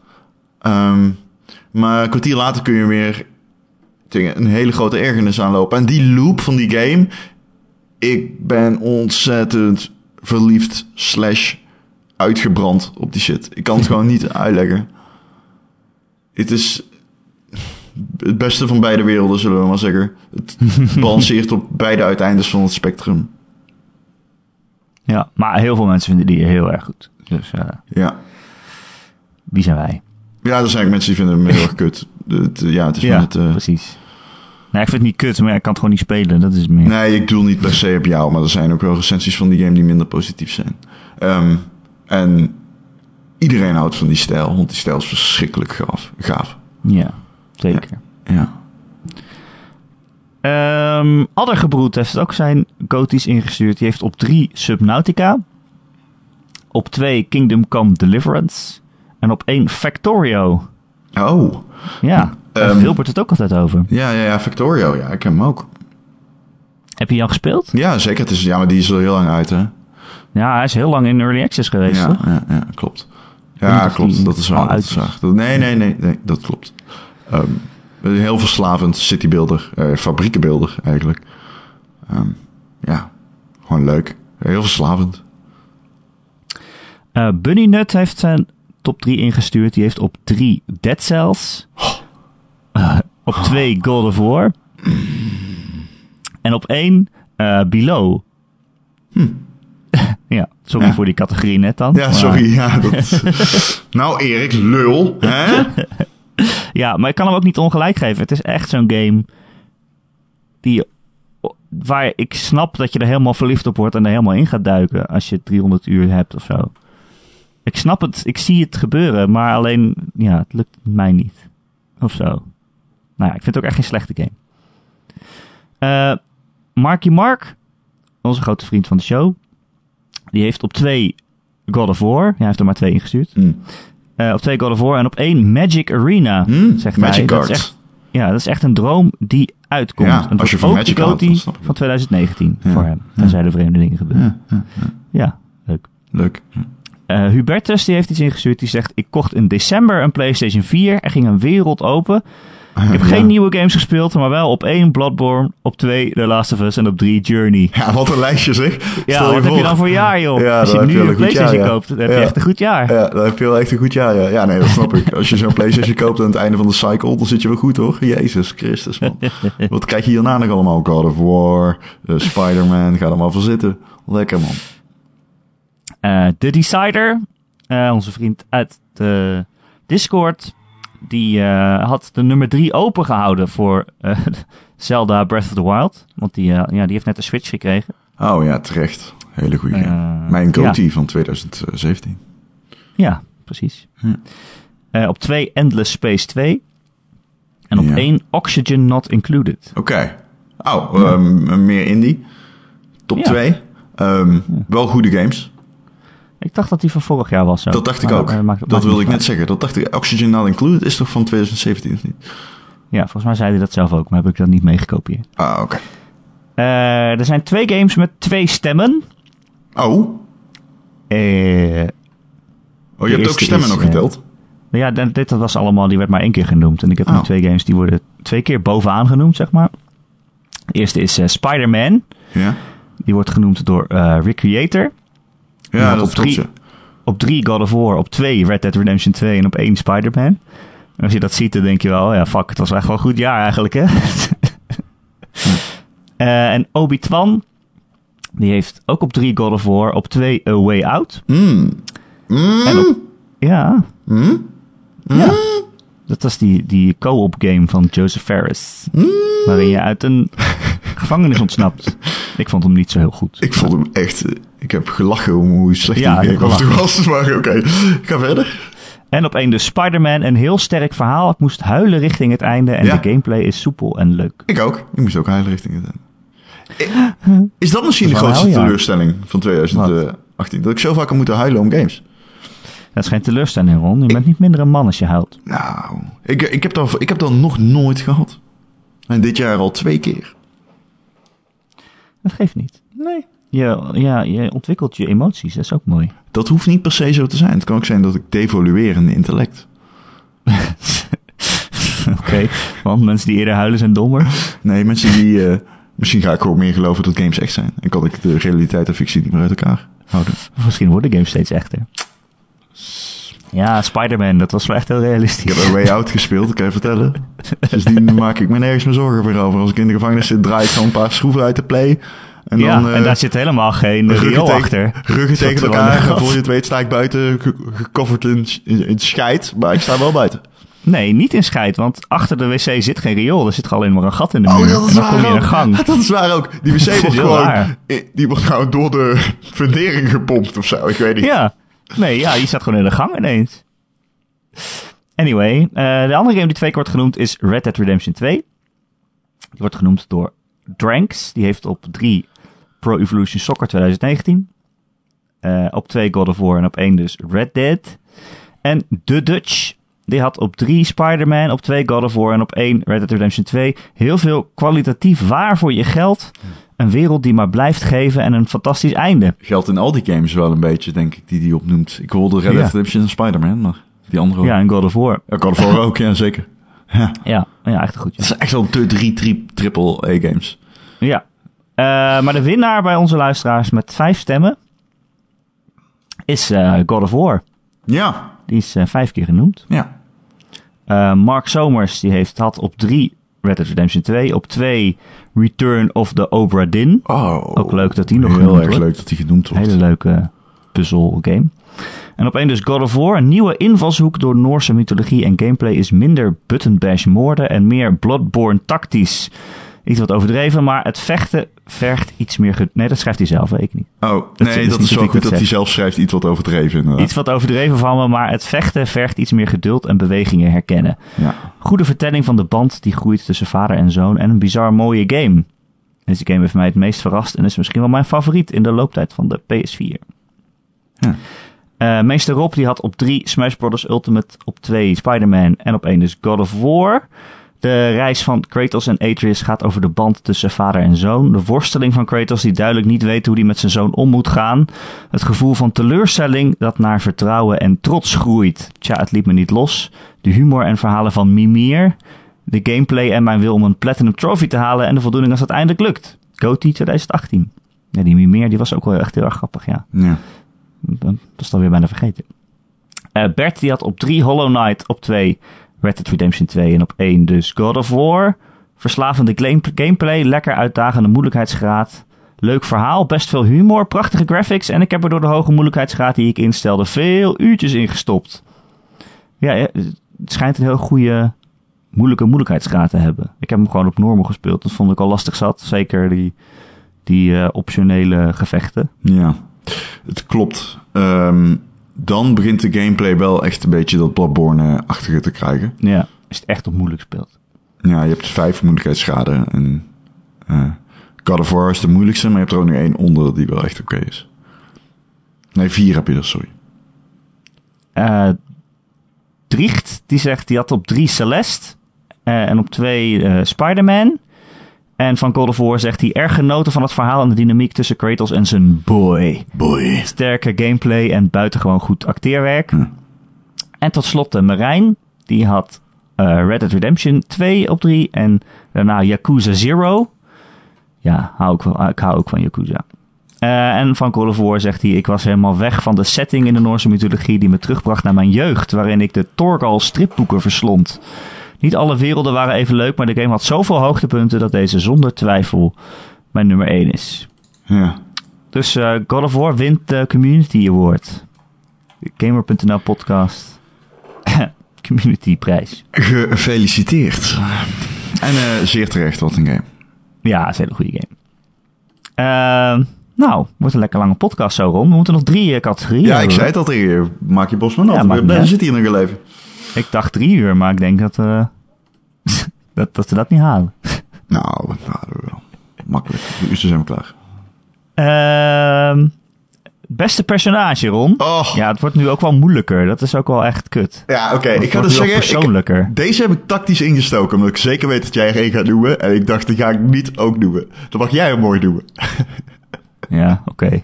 Zal ik dat eerst beginnen dan? Doe jij maar, ja. Ik heb eh, Cassandra uit Assassin's Creed Odyssey. Ik heb Arthur Morgan Die bedoel uit ik. Red Dead. Dat dacht ik nou al, ja. Ja. En ik heb eh, Peter Parker, Ja, ja. de Spider-Man. Oké, Spider-Man. Nou, dan jij we niet bij. Arthur Morgan genoemd? dan zet hem... eh, wacht, ik zet, zet hem even bij. Hè. Peter Parker. En je had... Ja, typ even mee. Ehm, Arthur Morgan en Cassandra. eh, Arthur Morgan. Eh, Cassandra. Cassandra is met een Karel. Ja, ik weet het. Ik heb die game gespeeld, hè. Ehm, ja, die fucking Joe van Buren. Ik weet, heb je die podcast geluisterd met hem? Hij zegt gewoon tegen mij, ja, je maakt niet uit met wie je kiest. Je kan ook gewoon met die Alexios spelen. Ik zeg, ja, maar iedereen zegt tegen mij dat ik met. Cassandra's moet spelen. Hij zegt, nee joh, nee joh, je moet gewoon spelen met eh, wie je wil, wie je wil. Dus ik speel met die domme kut Alexios. What the Ja. fuck? Dat is drie keer minder leuk. Maar het gekke is, ze zeggen bijna allemaal dezelfde dingen. Maar Cassandra is zoveel cooler dan Alexios. Er zitten momenten in dat ze gaan zingen en daar had eh, Waypoint een stuk over geschreven. En dat is gewoon echt is gewoon vijf keer beter of zo met Cassandra. Zoveel meer bezieling en zij is zoveel wittier dan, dan die domme Echt, ja. Alexios. Terwijl ze precies hetzelfde zegt, maar ze brengt het veel Ja, ja, stoer, maar ook een soort van zelf... eh, noem je dat? Zelfspot. ja. En ook hoe ze flirt met mannen, weet je wel. Hoe ze probeert te neuken en vrouwen, whatever. Het is gewoon grappig. Ja, je kan alles neuken in Assassin's Creed. Ja, je kan dat echt alles. leuke. Kun je dieren neuken? Niet dat ik heb eh, gezien. Niet dat is gelukt. De Game.nl podcast. Ehm, Er worden, hier worden de echte vragen gesteld. ja, ik zal je vertellen welke drie personages ik heb. Ja, dat lijkt me wel leuk. Sadie Adler uit Red Dead Redemption Dat 2. dacht ik nou, ja. Mimir uit God of Oh War. man, ja. En deze is eh eh, onverwacht BK uit Donut County. Oh, oké. Eh, oké. Goh, ik had Ja. geen idee. Ja. Ik wist niet dat het ook nog echt een leuk personage was. Ja. Is goed geschreven of zo? Oh man, die game is van... Je kent, je, je kent die game? Nee, ik heb hem niet gespeeld. Oh man, hij duurt maar twee uur, echt. Hij is nu een aanbieding. hij is nu een Wacht, aanbieding zet de podcast op stop. We gaan over twee uur verder. Serieus? Nee. Donut County is nu Oh. 10 euro, volgens mij. Misschien nog wel minder. Echt kopen hem alsjeblieft. Doe jezelf een plezier, want het is zo leuk. Hij is net uit voor de Nintendo Switch ook. Ehm, die game is zo supergoed, echt. Fantastisch. Fantastisch. Ah, duurt maar twee uur. Ga hem spelen. De humor is fantastisch. Als je die game speelt, lach je je eigen helemaal kapot. Je bent een gat in de grond dat dingen opzuigt. en BK is een raccoon. BK is een raccoon die werkt bij een lokale donutwinkel. En hij, ehm, zeg maar, het hoofdpersonage is gewoon een, zijn vriendin. En die komt erachter dat hij helemaal, hij praat gewoon. En hij is manager bij een, eh, bij dus de Doni, Donut County. De donut shop. en ehm, zij komt erachter dat hij heel erg geïnteresseerd is in een soort van mobile app. En daarvoor probeert hij een quadropter, qua- quadcopter drone bij elkaar te sparen. Ehm, en dat doet hij door, eh, zeg maar, alles op te zuigen in een donutgat in de app. Waardoor hij dus de hele wereld om zich heen aan het vernielen is. En de game is zo fucking grappig geschreven. Hij weet dus niet, hij denkt dus dat hij de, in de app gewoon alles aan het opzuigen is en zo punten verdient. Maar in het echt gebeurt dat dus, dus ook. Dus langzaam maar is er helemaal niks meer rondom die winkel. Nou ja, het is heel grappig. Eh, hoe gaan we dit doen? Want nu hebben we zes verschillende. Ja. Oké, oké, oké, oké. Laten we naar een top 3 toewerken. Ja. Laten we naar een top 3 toewerken. Ehm laten we even beginnen bij Cassandra dan. Ja, wat een badass. Eh, ontzettend. Die is zo... Ze is zo cool. En zoveel beter dan Alexios. Ja, zoveel beter dan Alexios. Echt. Alexios echt, Maar dat je is- hebt dat gepakt... is- Sorry. Sorry. Maar het is ook echt bewijs van hoe belangrijk ja, zo'n acteur of actrice is. Hè? Ja, voice is wat ik zei. het. Dezelfde tekst, maar ja, haar houding en de manier waarop ze dingen zegt. En inderdaad een beetje zelfspot, maar ook stoer. En inderdaad wat jij zei, het flirten met, eh, met mannen en vrouwen. En ja, het is, ik vind het echt gewoon awesome. Zeker. Dus eh, ja. Ik, er is alleen één ding wat ik eh, tegen haar heb. Dat is haar development. Ja, oké. Ze ontwikkelt zich totaal niet. Ehm, en dat ligt aan een, dat, maar dat is dus iets wat ik sowieso hekel aan Assassin's Creed eh, Odyssey. Ehm, alles wat Red Dead Redemption 2 heel erg goed doet, doet die game gewoon totaal. Probeert die game niet. Het heeft die Ja, ambitie nou, niet. eh, nou, ik heb hem niet uitgespeeld, dus ik kan niet echt zeggen eh, of er ontwikkeling in zit. Ik ben zeg maar bij al niet. Atlantis. Oh, Oké, dan ben je veel verder dan ik. Oké. Ehm, Eh, maar dat snap ik wel. Maar het probeert ook niet die game te zijn. Nee, het is in heel veel dingen het tegenovergestelde van Red Dead. Maar expres. En ik vind het ook juist daarom heel fijn. Omdat het gewoon echt een game is. Een game game. Ja. Eh, en eh, een Red Dead wil heel realistisch zijn. En een Assassin's Creed wil gewoon plezier en een leuke game zijn. Ja. En dat vind ik allebei heel, waard, heel waardevol. Maar ik snap je punt Ja. dat als we het hebben over beste personage. Ja, oké, daar heb ik niet over nagedacht. Maar eh, ja, dat je dan zegt, ja, oké, die ontwikkelt zich minder. Dus Nou, hoe heet die guy ook alweer van eh, Origins? Bayek. Bayek heeft development. En dat mis ik bij haar. Nou, natuurlijk ook bij Alexander Jos, maar we pakken even haar. Alexios. Alexios, pardon. ik mis ook bij haar. En eh eh Bayek en ehm zijn vrouw... Eh, Aya? Hoe heet ze? Ava? Aya? Aya. Aya. Aya? Aya. Aya. Eh, ja, echt tof. Echt coole personages. Ja, Personages. maar ik had toch wel echt veel minder met Bayek dan ik met Cassandra heb. Ja? Ja. Ik vind hem toch ook wel weer een beetje... Ah, bij Bayek wat- proef ik wel echt die pijn. Alleen ik weet niet zo goed wat hij is in die game. Want hij is een... eh, eh, zo- dat heeft een naam. Een soort sheriff is hij. Hè? Hij is een soort sheriff. De- mm, maar hij heeft ook superkrachten en een geheime adelaar. Ja, ja, maar dat is omdat het een game is. Nee, ja, helemaal ja, niet een waar. adelaar Die hij kan heeft kijken. superveel zieke shit die hij kan doen. Maar hij heeft een naam, wat, wat hij is. Hij is een... eh, het heeft Ja, een naam. En jij maakt daar sheriff van. Maar in de game Het is dat niet een letterlijk soort- sheriff. In de game is Nee, dat zo van... het heeft een naam. een, ehm, een, een, een, een afgevaardigde van een of ander geheim. Maar als ik het goed begreep, was dat in die tijd een soort van sheriff, zeg maar. Oké, ja. ik- Magi, Magi. ah, Magi, ja. Maar hij is dus geen lid van de regering. Nee. Ehm, dat maakt het wel veel meer ingewikkeld, toch? Eh, ja, zeker. Ja. Ja. Maar goed, oké. In ieder geval... eh, Die wil jij afkruisen, hoor ik, ik, al. ik, ik, we kunnen ook zeggen, we laten hem staan. nou, we moeten toch een beetje... We moeten toch een beetje ergens komen. Wacht, laten we eerst beginnen bij BK. BK, streep maar af. Ja, Want die ga ik jou nooit overtuigen. nee, dat klopt. Maar ehm, als je hem niet gespeeld hebt, kan ik je ook niet overtuigen daarvan. Alleen neem het maar van mij aan dat het een heel leuk personage is. Eh, Ik neem het van je aan. Ik, af en toe is die game een beetje irritant altijd. geschreven. Omdat het een beetje geschreven is zoals eh, Millennials Express schrijven op Twitter en zo. Oh, Hoe leuk. moet je dat zeggen? Dat is echt alles wat ik haat in het leven. Dat is letterlijk wat ik haat van in het leven. Dat mensen dan zonder... Oh, weet je al, dat verschrikkelijke... Of van die mensen die zeggen dat iets dom goed is. Waar ik gewoon echt letterlijk... Daar, echt, dan wil ik echt door de grond zakken. Maar dat soort shit is het, zeg maar. Weet je wat ik bedoel? Ja, I guess. Het is heel specifiek, maar... Je weet je wat ik bedoel, zeg maar. ja. Ik weet niet Ja. hoe ik dat uit kan leggen.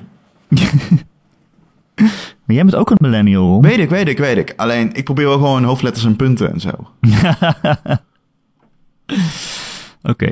Maar het Eh, is wel ja. heel grappig geschreven, dus begrijp me niet verkeerd. Ik vind het wel heel leuk om naar te kijken, luisteren, eh, spelen, whatever the fuck. Het is een goede game en het is goed geschreven. Ben Esposito heet die go- gozer volgens mij. Het is een goed geschreven game. Ehm, Ja. Eh, het is alleen een beetje geforceerd hippig of zo. Ik kan het niet echt, ik weet, ik kan het niet uitleggen, denk ik. Maar het is gewoon, ik, ik- specifiek dat houd ik er tegen. En maar het is wel, eh, BK is tof. Hij is grappig. Dus, nou ja. Eh, Oké, ja, als ik zou kijken, dan vind ik het ook niet erg om dan Cassandra af te laten vallen. Want ik vind mijn andere twee ook eigenlijk misschien wel beter. Dus eh, daar kan ik mee leven.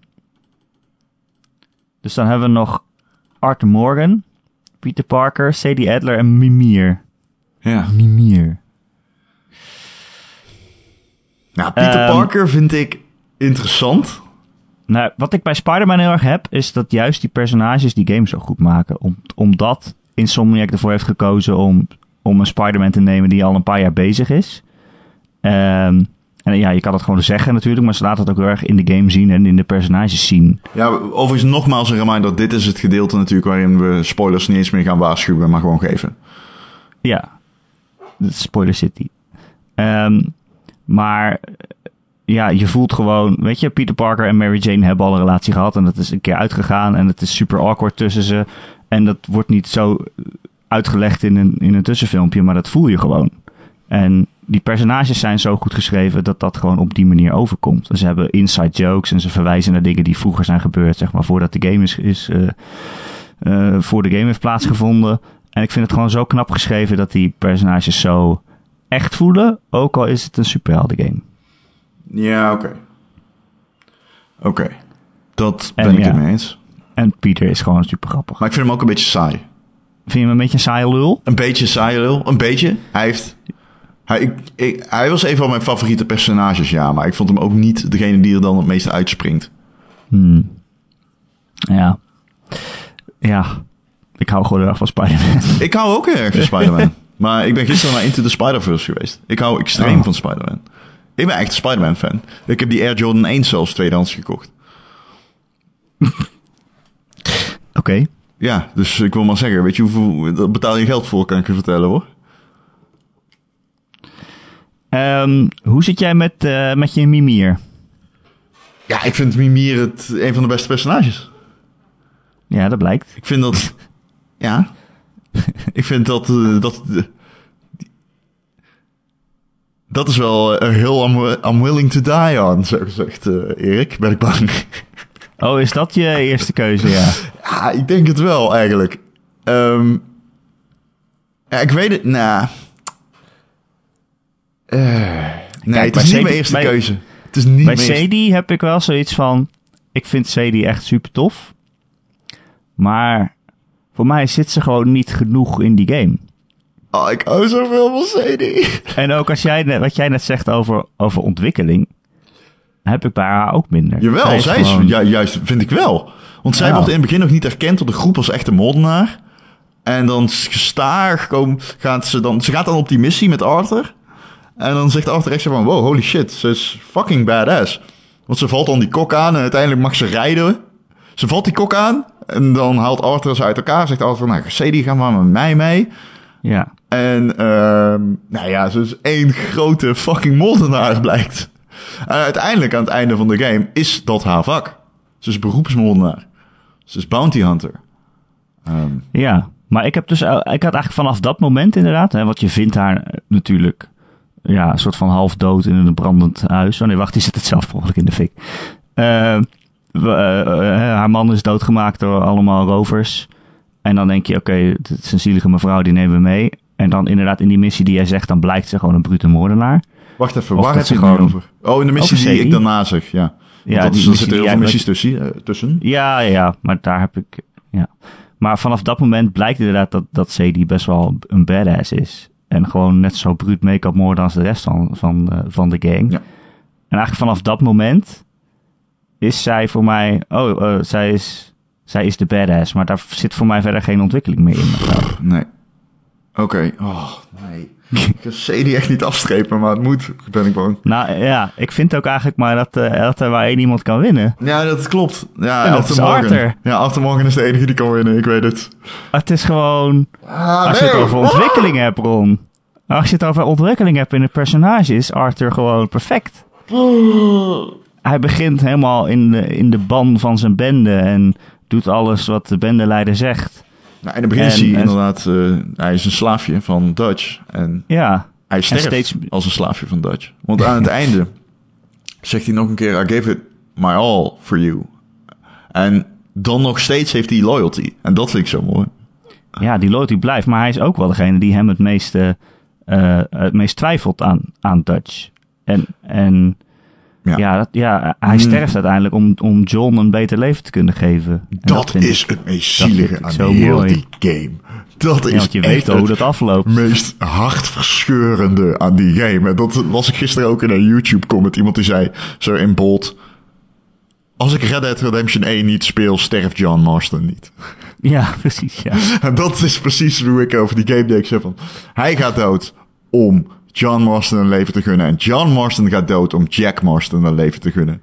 Ja, en ook dat lukt niet. En ook dat lukt niet. Dus het is een soort van verschrik... Nou ja, het lukt wel. Alleen Jack Marston wordt ook een moordenaar.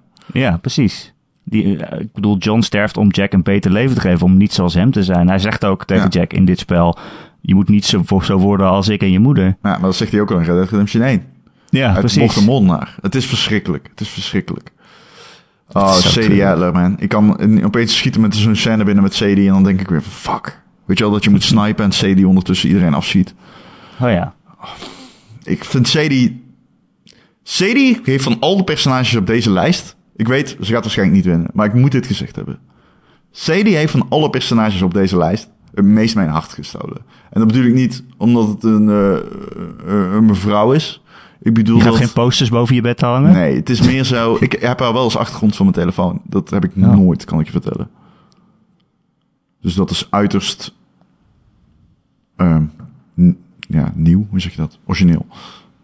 Ongewoon voor mij. Dat ik een game als achtergrond heb. Maar ik ben zo onder de indruk van haar development. Ik, niet haar development, maar. Ja, elke keer als ik een missie met haar ging doen, dacht ik: yes, dit wordt er weer een. Weet je wel, dit wordt echt tof. en dat was ik altijd zo. Ik ben Ja, dat is zeker waar. ontzettend eh, van onder de indruk eh, hoe ze haar eh, in die game hebben geschreven. Dat vond ik echt super tof gedaan. Oké, ze gaat niet winnen. BK gaat niet winnen. Peter Parker gaat niet winnen. Cassandra gaat niet winnen. Wat mij betreft is het tussen Mimir en Arthur Morgan. Ja, ik vind Mimir wel echt heel tof. Het is wel zo. Het is wel, ja, dat is absoluut zo. Dat was wel het leuk. Nou, het was niet het leukste van God of War misschien, maar wel het leukste personage. Ik heb wel een keer dat als je in die boot gaat zitten en hij gaat een verhaal vertellen. En je bent ergens heen aan het roeien en je bent er. Maar ik, ja, Dan blijf je zitten. dan niet aan land. Ik bleef zitten Nu om het verhaal af te horen. Ja, precies. precies. Oh, where, where was I? En dan gaat hij weer verder. Ja, dat kan, maar dat kan je doen. Maar ik wil liever gewoon het verhaal afhoren. ja. Het is wel zo, hij is wel grappig. En ook die momenten dat, dat, er- dat er ruzie is tussen Kratos en, en Atreus. En dat hij er dan een beetje tussen zit, zo, oh, dat is awkward. En die lore die hij vertelt. Hij hecht al die lore aan elkaar. Ja, Hij is eigenlijk knap. een beetje de algemene verteller van de game. ja. En je hebt hem altijd bij je, want je hebt hem aan je broek hangen. Dat is ook zo, zo grappig. Ik vind het ook zo Dat grappig dat, hoofd. dat hoofd staat dan in de boot. En je ziet zijn lippen bewegen. Ja. Ja. Kratos zet hem altijd heel netjes neer naast hem, zo. ja, het is wel heel grappig. Maar ook weer qua ontwikkeling, om als dat een, inderdaad een criterium was. Nou ja, kijk, als iemand const- constant heel erg goed is, zoals Mimir, is development niet belangrijk. Nee, Toch? Nee, misschien niet. Nee, ja, ik bedoel, het is niet een voorwaarde. Maar het is wel wat ik zo goed vind aan Arthur. Arthur Morgan is wel een meer compleet eh, geschreven personage die van A naar B gaat. De route is interessant, de bestemming is interessant. Oké, Arthur Morgan ga je ook omgeven. Ja. En ook echt En dat ja, dingen die ze uit zijn verleden oprakelen. Elke keer als hij met die Mary, eh, als hij daar ontmoeting mee heeft, dan is dat zijn optionele missies. Maar toch, volgens mij? Zeg maar zijn, Ja. zijn ex-vriendin. Zijn ex zegt ook En- van... You're a good man, Arthur Morgan, but you're wrestling with a giant. Ja, precies. En dat was kennelijk een tijd waarin hij ja, bijna zijn, zijn bendeleven had opgegeven. Of hij had een, hij had een vrouw en maar ja, hij kon, hij kon die twee werelden niet verenigen of zo. De twee Nee. mensen die hij wilde zijn. Hij bleef loyal Ja, aan de irritant. ja. Het is Arthur Morgan, Erik. Oh, gelukkig. Ja, want hier hadden we heel lang kunnen... Want Mimir is ook echt fantastisch. Mimir is echt- is fantastisch. Dat is echt eh, een van de leukste personages eh, eh, van dit jaar, zonder enige vorm van twijfel. Ja, dat is absoluut zo. Welke wil je nu doen, Ron? We hebben het nog het beste verhaal of het beste moment? Laten we beginnen met beste verhaal. Ja. Oké. Wat, wat heb je staan? Ja, dit is dus zo cliché dat ik het dus bijna kut vind. Maar het is God of War, Red Dead Redemption 2 en Spider-Man. Oh, Ik heb Celeste Ja. niet erbij staan. en jij wel. En jij hebt Ja, Red Dead. Redemption, Spider-Man en Celeste. nee, ik heb Red Dead Redemption 2 Celeste en God of War. Oh, Oké. Geen Spider-Man. Nee, ik heb Spider-Man wel genoemd omdat dit de categorie was waarin die voor mij het hoogst zou scoren. Oh ja, dit is voor mij waar hij het laag scoort. ja, ik vind Spider-Man superleuk. en alle personages. Maar het verhaal is gewoon een soort van cliché superheldenverhaal uiteindelijk. Ik vond Niet het- dat dat slecht is. Nee, het is zeker niet slecht. Het is een heel goed cliché superheldenverhaal. Eh, Ja, ik wilde hem ergens genoemd hebben, dus Oké. Bij deze. bij deze. Ik vind het niet dat die in aanmerking komt. Oh, nou, het is jouw lijst. Ja. Maar goed, Red Dead Redemption 2, Celeste, God of War. En eh, Ja, beste verhaal. Ik vind dat toch, ik vind dat toch moeilijk. welke had jij nou? Je had Celeste? Ja, die drie. Go. Red Dead Redemption 2, Celeste en God of War. Oké. En ik had... Eh, ik, Godverdomme. jij had Red Dead, God of War en Spider-Man. Ja. Oké. Ik vind, ik was wel het, het, eh, het meest verbaasd of zo over het verhaal van Celeste. Dat dat zo goed was. Eh, want het is gewoon een heel goede indie platformer. Eh, maar juist het verhaal is wat het zo bijzonder maakt. Het gaat heel, op een heel bijzondere en realistische manier in op dingen als depressie en, en angstaanvallen. En Het is misschien wel het beste verhaal van 2018. ja, en ook echt, eh, ja, hoe noem je dat? Ja. Wholesome. Ja, echt dat je... Ja, wholesome, Het gaat ja. over dat zij moet leren van zichzelf te houden. En Ja, ik heb hier en een van elk deel van zichzelf. super lang artikel over geschreven. Dat komt binnenkort op Gamer. Alleen, ehm, het is bijna raar, want dan zou ik gewoon dat artikel kunnen oplezen waarom ik het verhaal zo goed vind. Dat ga ik niet doen, dat is zonde. Maar je hebt heel veel development in die game. En dan ga je zowel speler als, als personage, eh, krijg je er heel veel van mee, zeg maar.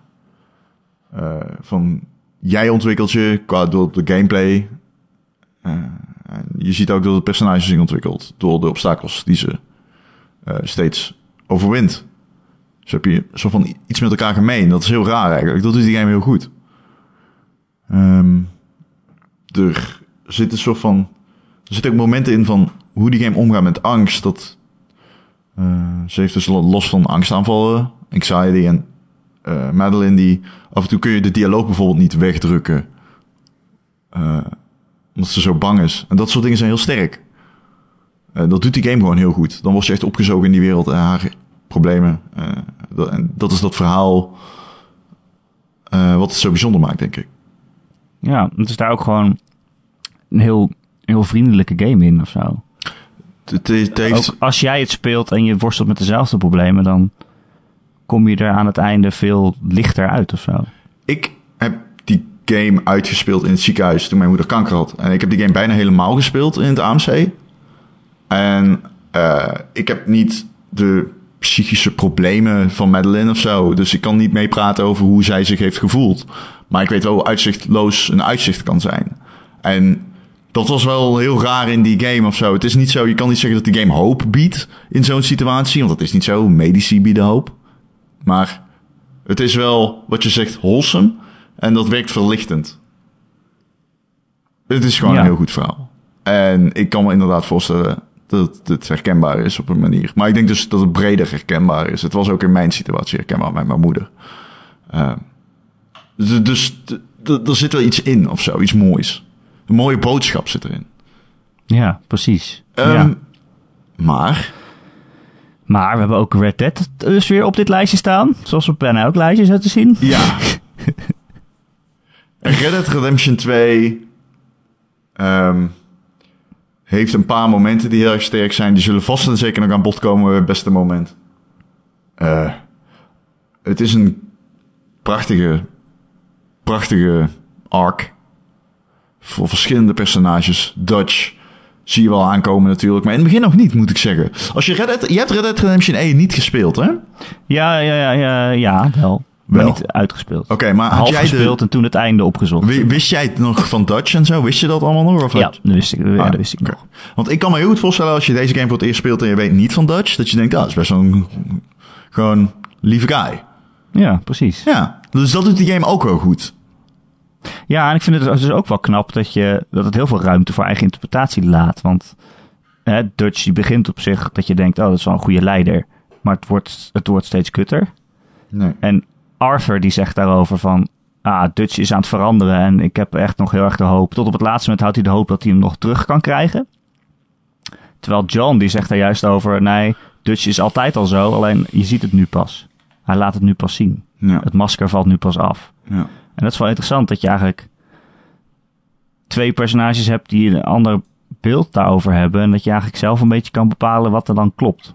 Ja. Ja, nee, dat is zeker waar. Dat is echt wel echt knap.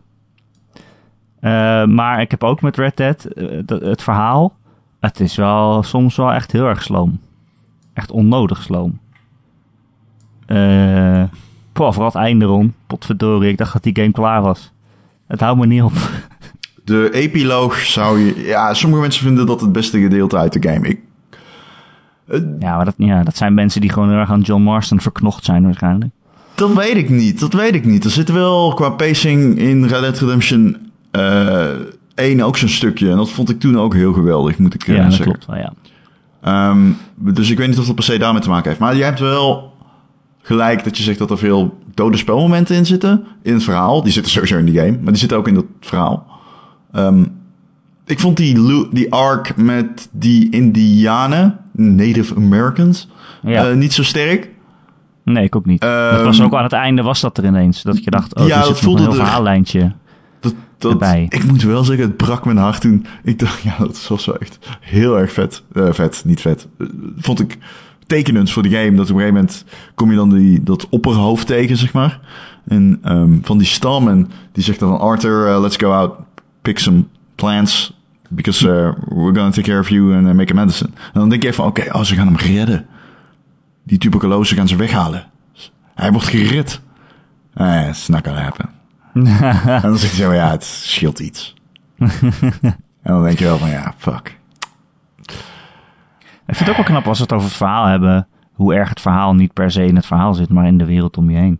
Het mooiste, waar ik eigenlijk het dichtst bij tranen kwam bij Red Dead Redemption 2, is inderdaad, Arthur die heeft al een tijdje tuberculose. En op een gegeven moment, volgens mij bij het station van Valentine, daar zit een, een of andere bedelaar. En gedurende de game heb ik die een paar keer geld gegeven. En Arthur, eh, ja, je kan ook met hem praten als je ziek bent. En die bedelaar die zegt, die is dan helemaal overstuur dat Arthur zo ziek is. En die zegt helemaal, oh no, but you're my friend. And, and now you're gonna die, it's not fair. En zo, en dan loopt hij een beetje weg. En dat was, ja, het is heel raar. Maar dat is het moment dat mij het meeste, meeste bijblijft. Dat ik ook echt dacht, af, ten eerste, oh fuck, Arthur gaat echt dood. En ten tweede, deze hele wereld geeft daarom of zo. Deze spelwereld. Er zitten hier gewoon random poppetjes in waar ik af en toe mee gepraat heb. Die nu ook eh, een impact hebben van wat er gebeurd is in het verhaal. Ja. Ja, dat is Ja. een, een, een, een, eh, moment dat ik niet heb meegemaakt. Ja, nee, ik, ja, dat is. Ja, Het klinkt Nou, wel je, mooi. hebt, je hebt niet eens Heel een mooi. reden om naar Valentine te gaan. Nee, maar dat is sowieso. Je moet af en toe in die game gewoon terug naar eerdere gebieden om te kijken wie daar zijn en zo. Dat is echt de moeite waard. Ja. Mm, steden vooral. Niet zozeer naast de weg, maar wel in de steden. Ehm, ja. Red Dead Redemption 2 durf ik echt... Ja. Ik kan niet afstrepen. Dat kan ik God of War wel. Eh, ja, War kan Ik ik, hier niet afstrepen. ik vind het een heel goed verhaal. Ja, het heeft mij toen gegeven om mythologieën. Ik, ik ben weer in de Griekse gedoken. Ik ben weer in de, de Noorse gedoken. Ehm, ik heb boeken erover gelezen, twee over Noorse mythologie. Eh, ik zat er helemaal in. Maar, ja. Beste verhaal? Nee. Nou ja, ja, die band tussen eh, Kratos en zijn zoon is wel echt heel mooi. Het is ook heel mooi geschreven. Het is echt een heel mooi verhaal. Ja. Maar ja het, is, ja, het is wat ik in mijn review ook schreef, wat ik met die game heb, is dat er heel veel... Het gebeurt mij net iets te vaak dat er een moment is dat je denkt, oh fuck, nu gaat er iets super vets gebeuren en dat komt dan niet of zo. Op een gegeven moment kom je ook Zeus weer tegen en zo. Dat is wel echt heel vet gedaan. Wat? Die kom je toch eerst niet tegen? Die zit in de wolken. Je ziet hoe die hem doodmaakt in God of War 3. Weet je dat niet meer? Oh Als ja, in, ja, eh, dat, dat is zijn herinnering. Helheim bent. Ja, als je in de hel bent, dan zie je zijn herinneringen. Maar dat is echt zo'n moment. Wow, holy shit. Ze doen het gewoon. Ja. Eh, maar dan doen ze het ook weer niet helemaal. Helemaal pakken ze Nou ja, door. Ik heb bijvoorbeeld over, er zit een stukje in dat Atreus soort van bijna evil wordt of zo. Nou, Dat er is een denkt, stukje in dat hij fuck it, ik ben een eh, god, ik kan doen wat ik wil. Ja, Maar hij leert dan net dat hij dus een halfgod is. Atreus is Loki. Dus uiteindelijk wordt hij ook evil. Hij wordt een trickster. Hij wordt de, de, de, de guy die wordt opgesloten door de andere goden. Ja, maar het is even, ja, je weet niet of ze dat gaan doen ten eerste. En ten tweede is het binnen dit verhaal, is het van, er zit een heel stukje in dat hij echt een soort van evil wordt. En dan Ja. is het in één klap weer voorbij. Dan Ja. ben je in de hel en dan ziet hij iets Dat is, dat hij iemand doodmaakte en dan is het in één klap weer voorbij. dat is de allerraarste arc. Is, eh Mimir zegt dat ook van, oh, het gaat niet helemaal goed dit. En eh, weet je wel, eh, je drinkt eh, net van tevoren een keer wijn met hem of zo. Ja, die- ja, inderdaad. En, en, en dan wordt hij inderdaad eh, overmoedig. Eh, hij steekt die ene broer neer. ja, Ehm, en Kratos verliest zijn grip op zijn zoon. En die machteloosheid is ergens wel voelbaar. In, de persona in, in, in Kratos. Zo van, ja, fuck, dit is mijn kroost. En ik, ik heb geen grip op hem. Oké, je kan hem ook niet doodslaan. Alleen... De turnaround is van, oh, oké, nou, is weer normaal. ja, precies, ja. Zo, oké, ja, top. Thanks. Lekker man. ja. En dat, dat soort dingen gebeuren mij net iets te vaak in dat spel. Ja. Nee, kan ik meer mee. Ja. Kan ik, snap ik. Oké, maar het was een heel goed verhaal verder hoor. Het was een fantastisch Ja, Hij verhaal. is niet voor niks genomineerd hier zo. Oké, dus dan houden we over Celeste en eh Red Dead Redemption 2. Allebei zou ik zeggen fantastische verhalen om hele andere redenen. Ja, Celeste dat maakt het zo moeilijk. is fantastisch simplisme, doelgericht, effectief in het behandelen van een thema of twee. En eh, de uitdieping, dat doet het simpel, maar mega effectief. Red Dead Redemption 2 is een bolwerk van arcs, van development, van speelwereld die reageert op de avonturen van Arthur. Eh, overkoepelend heeft het ook raakvlakken met de eerdere game. Of moet ik zeggen dat het dat niet te geforceerd opzoekt, maar daar ben ik juist wel blij om. Ja, Het is een. Ja. Niet zo echt een coming-of-age verhaal, maar het heeft wel. veel development. En dat waardeer ik heel erg in God of War. Om die reden ga je echt van die personages houden. Maar ja. ja. Maar, het is uiteindelijk daarmee ook, zoals jij net al zei. Het heeft veel dode momenten, wat het meer een samenraapsel van hoogtepunten maakt dan een continu goed verhaal. ja, eh, ik zou het ook eh, graag aan Celeste gunnen. Omdat als ik daaraan terugdenk. Ik heb ook echt het gevoel dat dat, dat verhaal echt mensen helpt of zo. Dat weet ik niet. Niet Het heeft helpt, mij maar geholpen wel op een manier- voelt. Ja. Die niet per se met het verhaal te maken had. Meer dat hij gamer was en dat hij zo goed was. Ehm, ja, ik wil ook niet zeggen helpt van oh, nu is je depressie opgelost. nee, zo, nee, maar ik snap wel wat jij bedoelt. Het biedt raakvlakken Het die biedt- andere ja. games misschien... Er zijn heel veel games geweest die dit thema hebben aangesneden in het verleden. En Celeste doet het het best van allemaal. En dat is wel een prestatie. Ehm, maar ik weet niet... Kijk, als ik hier aan denk, is dat verhaal... Is dat de, eh, eh, heeft dat te maken met het verhaal? Of eh, heeft dat te maken met... Is dat de redeeming quality van het verhaal of van de game aan zich? Nou ja, kijk, de game aan zich had heel makkelijk gewoon een heel goede platformer kunnen zijn. En dat is het ook. Maar het is juist dat verhaal dat erbij zit, dat het zo bijzonder maakt. Ja, daar ben ik het Eh. helemaal mee eens. Maar maakt dat het verhaal het beste verhaal? Dat is mijn punt, juist. Is dit juist goed omdat de game... Je verwacht niet van Celeste dat het een goed verhaal heeft? Nee, het is niet omdat je het niet verwacht had. Ik vind het ook aan zich een goed verhaal. Ik, ik moet eerlijk maar het is zeggen, niet dat zo mee. uitgebreid. Dat is natuurlijk, het is niet zo'n heel lange game. En er zit, niet, er zit ook niet zoveel verhaal in. Maar het is juist die hele kleine arc die het wel heeft. En hoe het eindigt met hoe Madeline ook haar donkere kanten eh, omarmt als deel van zichzelf. Ja, want... Pff. Ja, ik heb hem niet bij mijn beste moment staan. Oh ja, ik wel. dus daar komen we straks nog een keer. Ja. Maar jij bedoelt op het one-up. Ja, Ja, dat is hè, als je jezelf Dat omarmt, eh, alle delen van jezelf, word je sterker. Dat is eigenlijk wat die game zegt. En ook letterlijk in de gameplay vertaald, totdat je hoger kan springen. Dat is het hoogtepunt van die game. Ja, maar dat is als het alleen gameplay We was gaan het nog geweest. niet toelichten. Of moeten we dat wel doen? Want nu klinkt het raar om dat moment aan te halen zonder het toe te lichten. Nou, heb- heb ik het niet goed genoeg toegelicht? Nee. Ja. Nou, vertel. Je daalt af. Nou, je, er is een berg, die heet Celeste. En je bent Madeline. En je lijkt het te gaan halen, maar je stort weer helemaal naar de afgrond nadat je geconfronteerd wordt met de fysieke entiteit van jezelf. Je angst is een vijand in de game. En je daalt helemaal af. Je valt door alle levels die je al behaald hebt. En vervolgens moet je zo van kan je, ja hoe zeg je dat? Je, je wordt je wordt, wordt weer geconfronteerd met die vijand. Je maar je confronteert haar, jezelf dus eigenlijk, met je angsten, je onzekerheden, je depressies. En daaruit ontstaat bij de vijand, bij jouw twijfels, dus eigenlijk, de, de, de, de, de, ver, de, de, de, de, je- jouw twijfels in vleesvorm. Ehm, ja. eh, ontstaan er ook twijfels. En uiteindelijk zegt ze van, nou oké, dan gaan we samen. En op dat moment komt er te staan level up. en dan krijg je opeens eh, roze haar. Lichtroze. En kun je dubbeljumpen. En vervolgens ga je weer een stuk van de Bear Celeste omhoog. Alleen nu met een double jump. Waardoor de platformstukken... eh, de platformstukken zijn erop aangepast.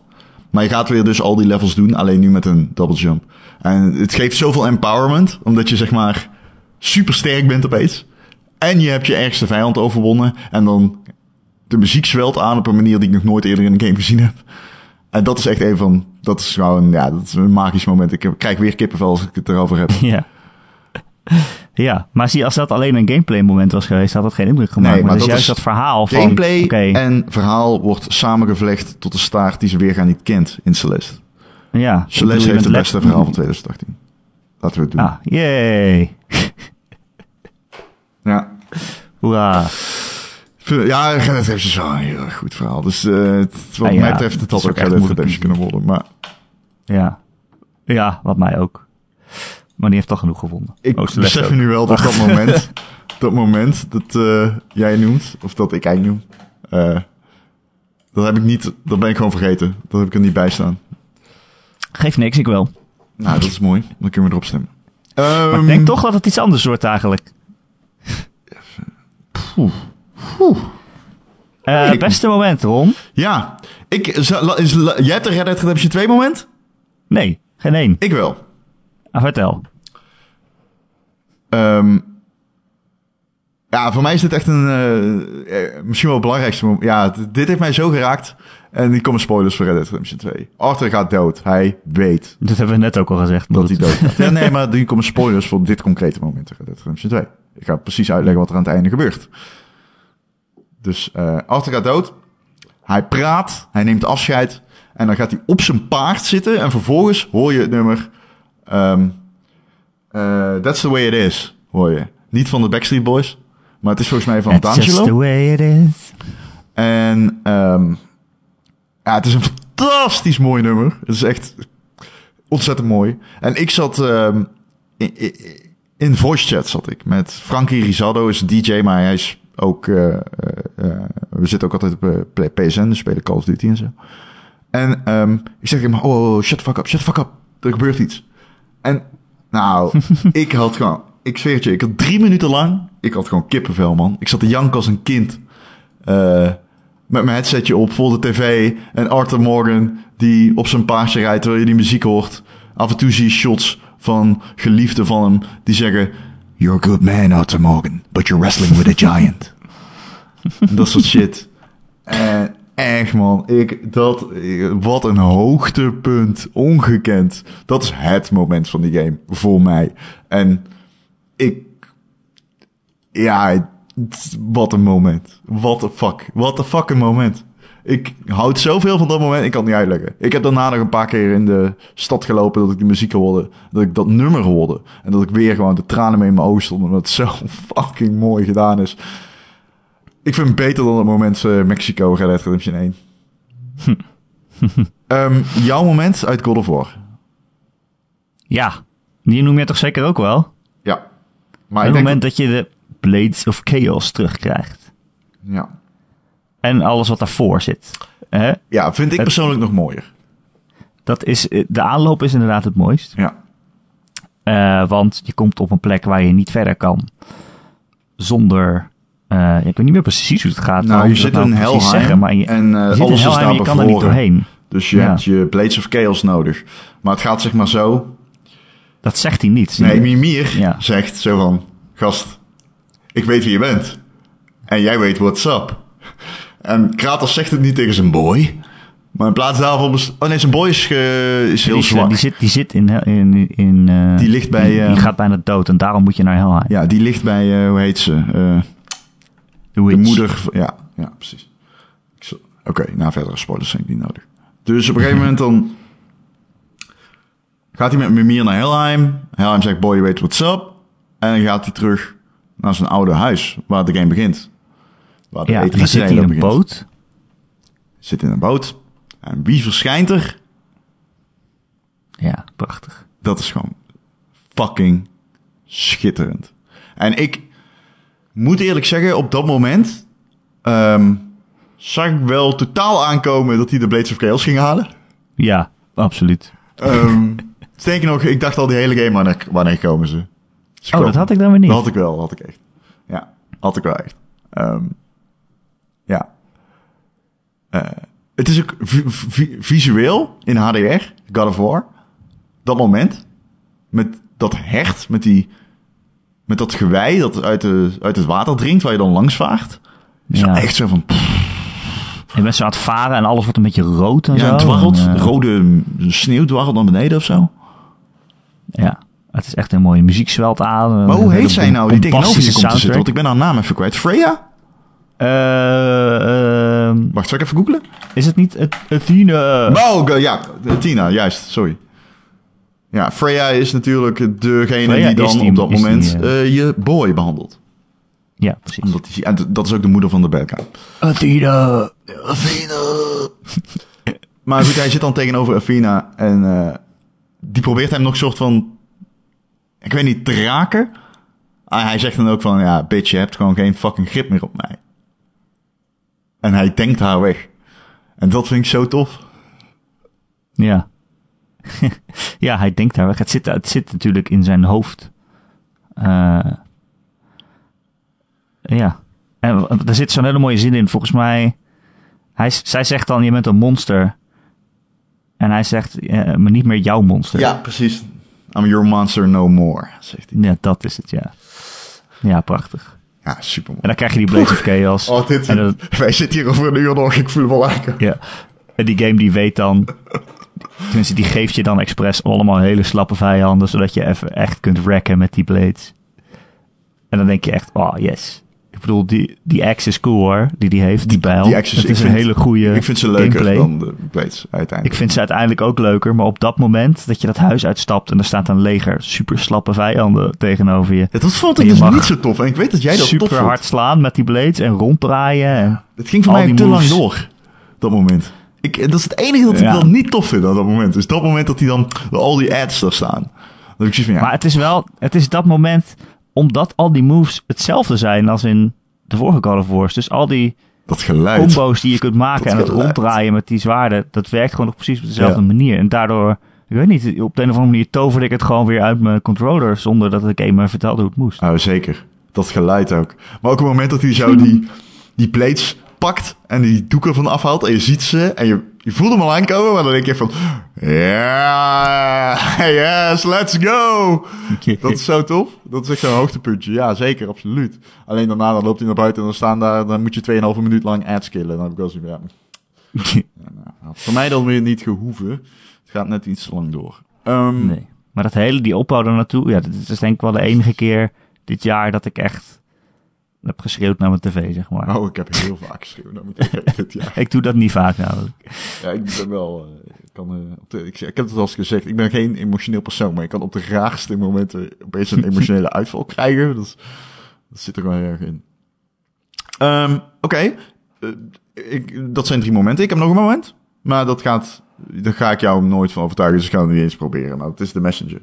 En het is het moment dat je switcht in. Oké. Ehm, mo- moet ik de, de messenger gaan uitleggen, is de vraag. De messenger Ja, is eh, ze zeg maar het zelf uit, dus eh, het mag. ja, de, de Messenger is uh, geïnspireerd op de oude tweedimensionale Ninja Gaiden. Dus niet die met Ryu uh, uh, in de hoofdrol, waarbij die echt, zeg maar, driedimensionaal achter een personage hangt, Black en zo. Nee, die niet.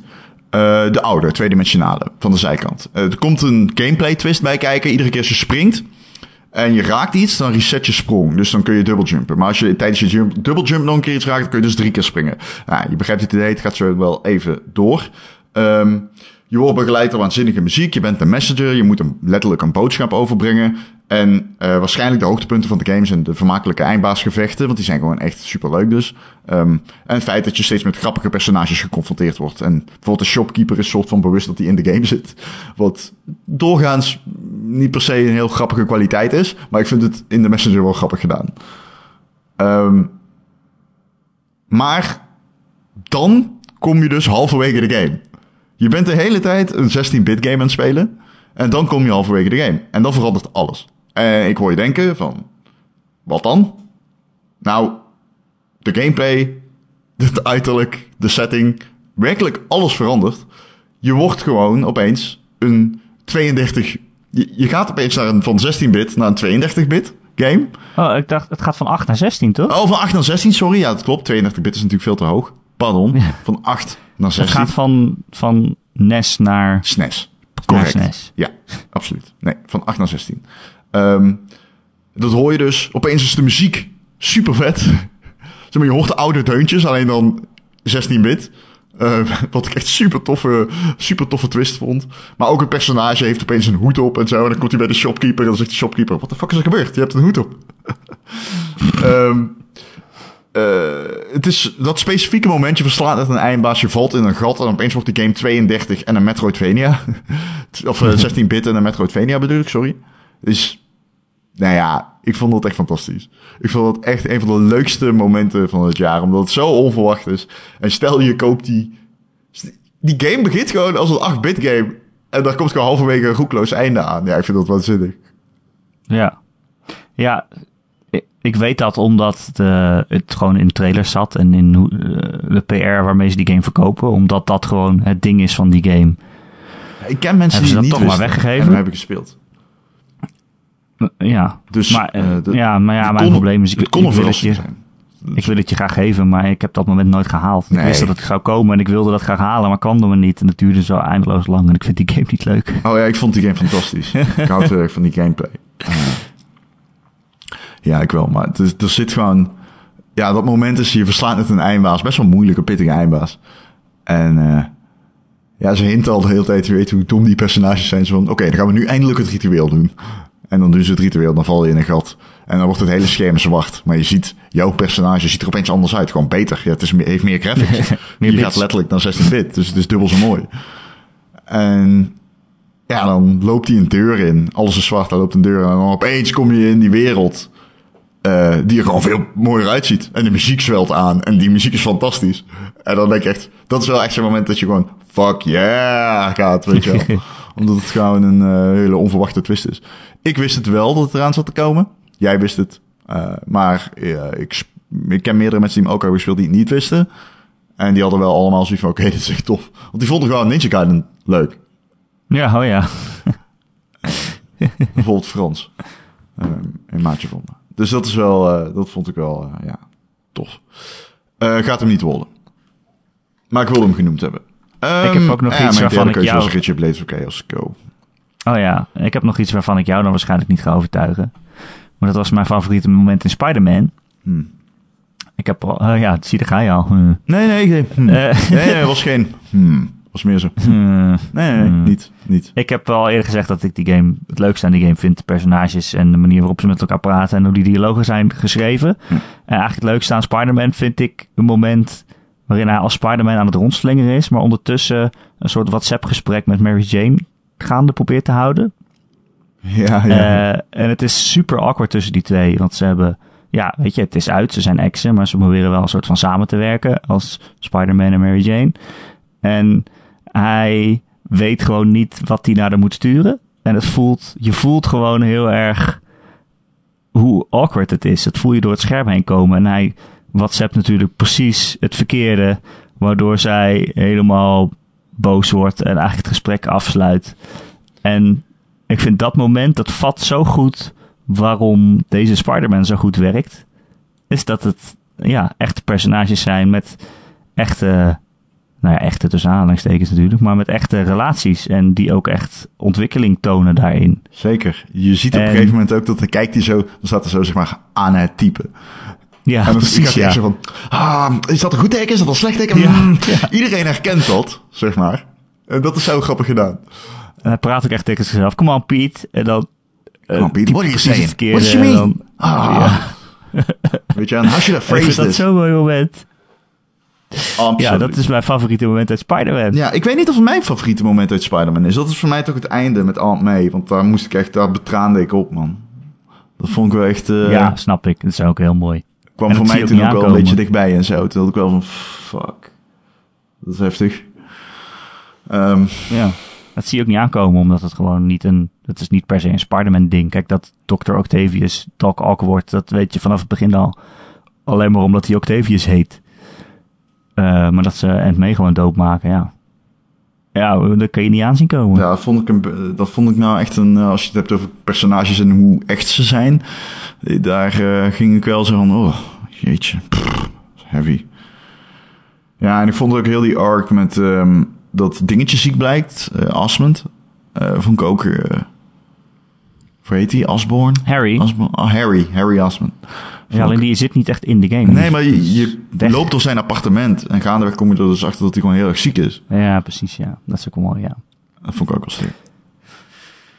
Ja, en ook hoe dat in de volgende game weer terug gaat komen. Ja, want aan het einde wordt duidelijk hint naar een eh, Green Goblin, eh, toch? Ja, en, en Venom. Venom. Ja. Ehm, ja, en ik heb dus nog het einde van Celeste. We hebben het net eh, hebben we dat einde al een beetje uit de doeken gedaan. Dus dat hoef ik misschien nog een keer te vertellen. Maar ja, ik vond dat wel echt Even een heel kijken, ik bijzonder schrijf hem er even bij, want we gaan hier eh, nu gaan we einde Celeste. Eh, ik noem het one-up moment. Ik noem het level-up Het moment. one-up moment. Ja, level up. Level up. Pew, pew. Er staat er ook gewoon in beeld dan, hè? Level up. En dan voor het eerst in de game ga je level up. Dan denk je van, hè, what the fuck?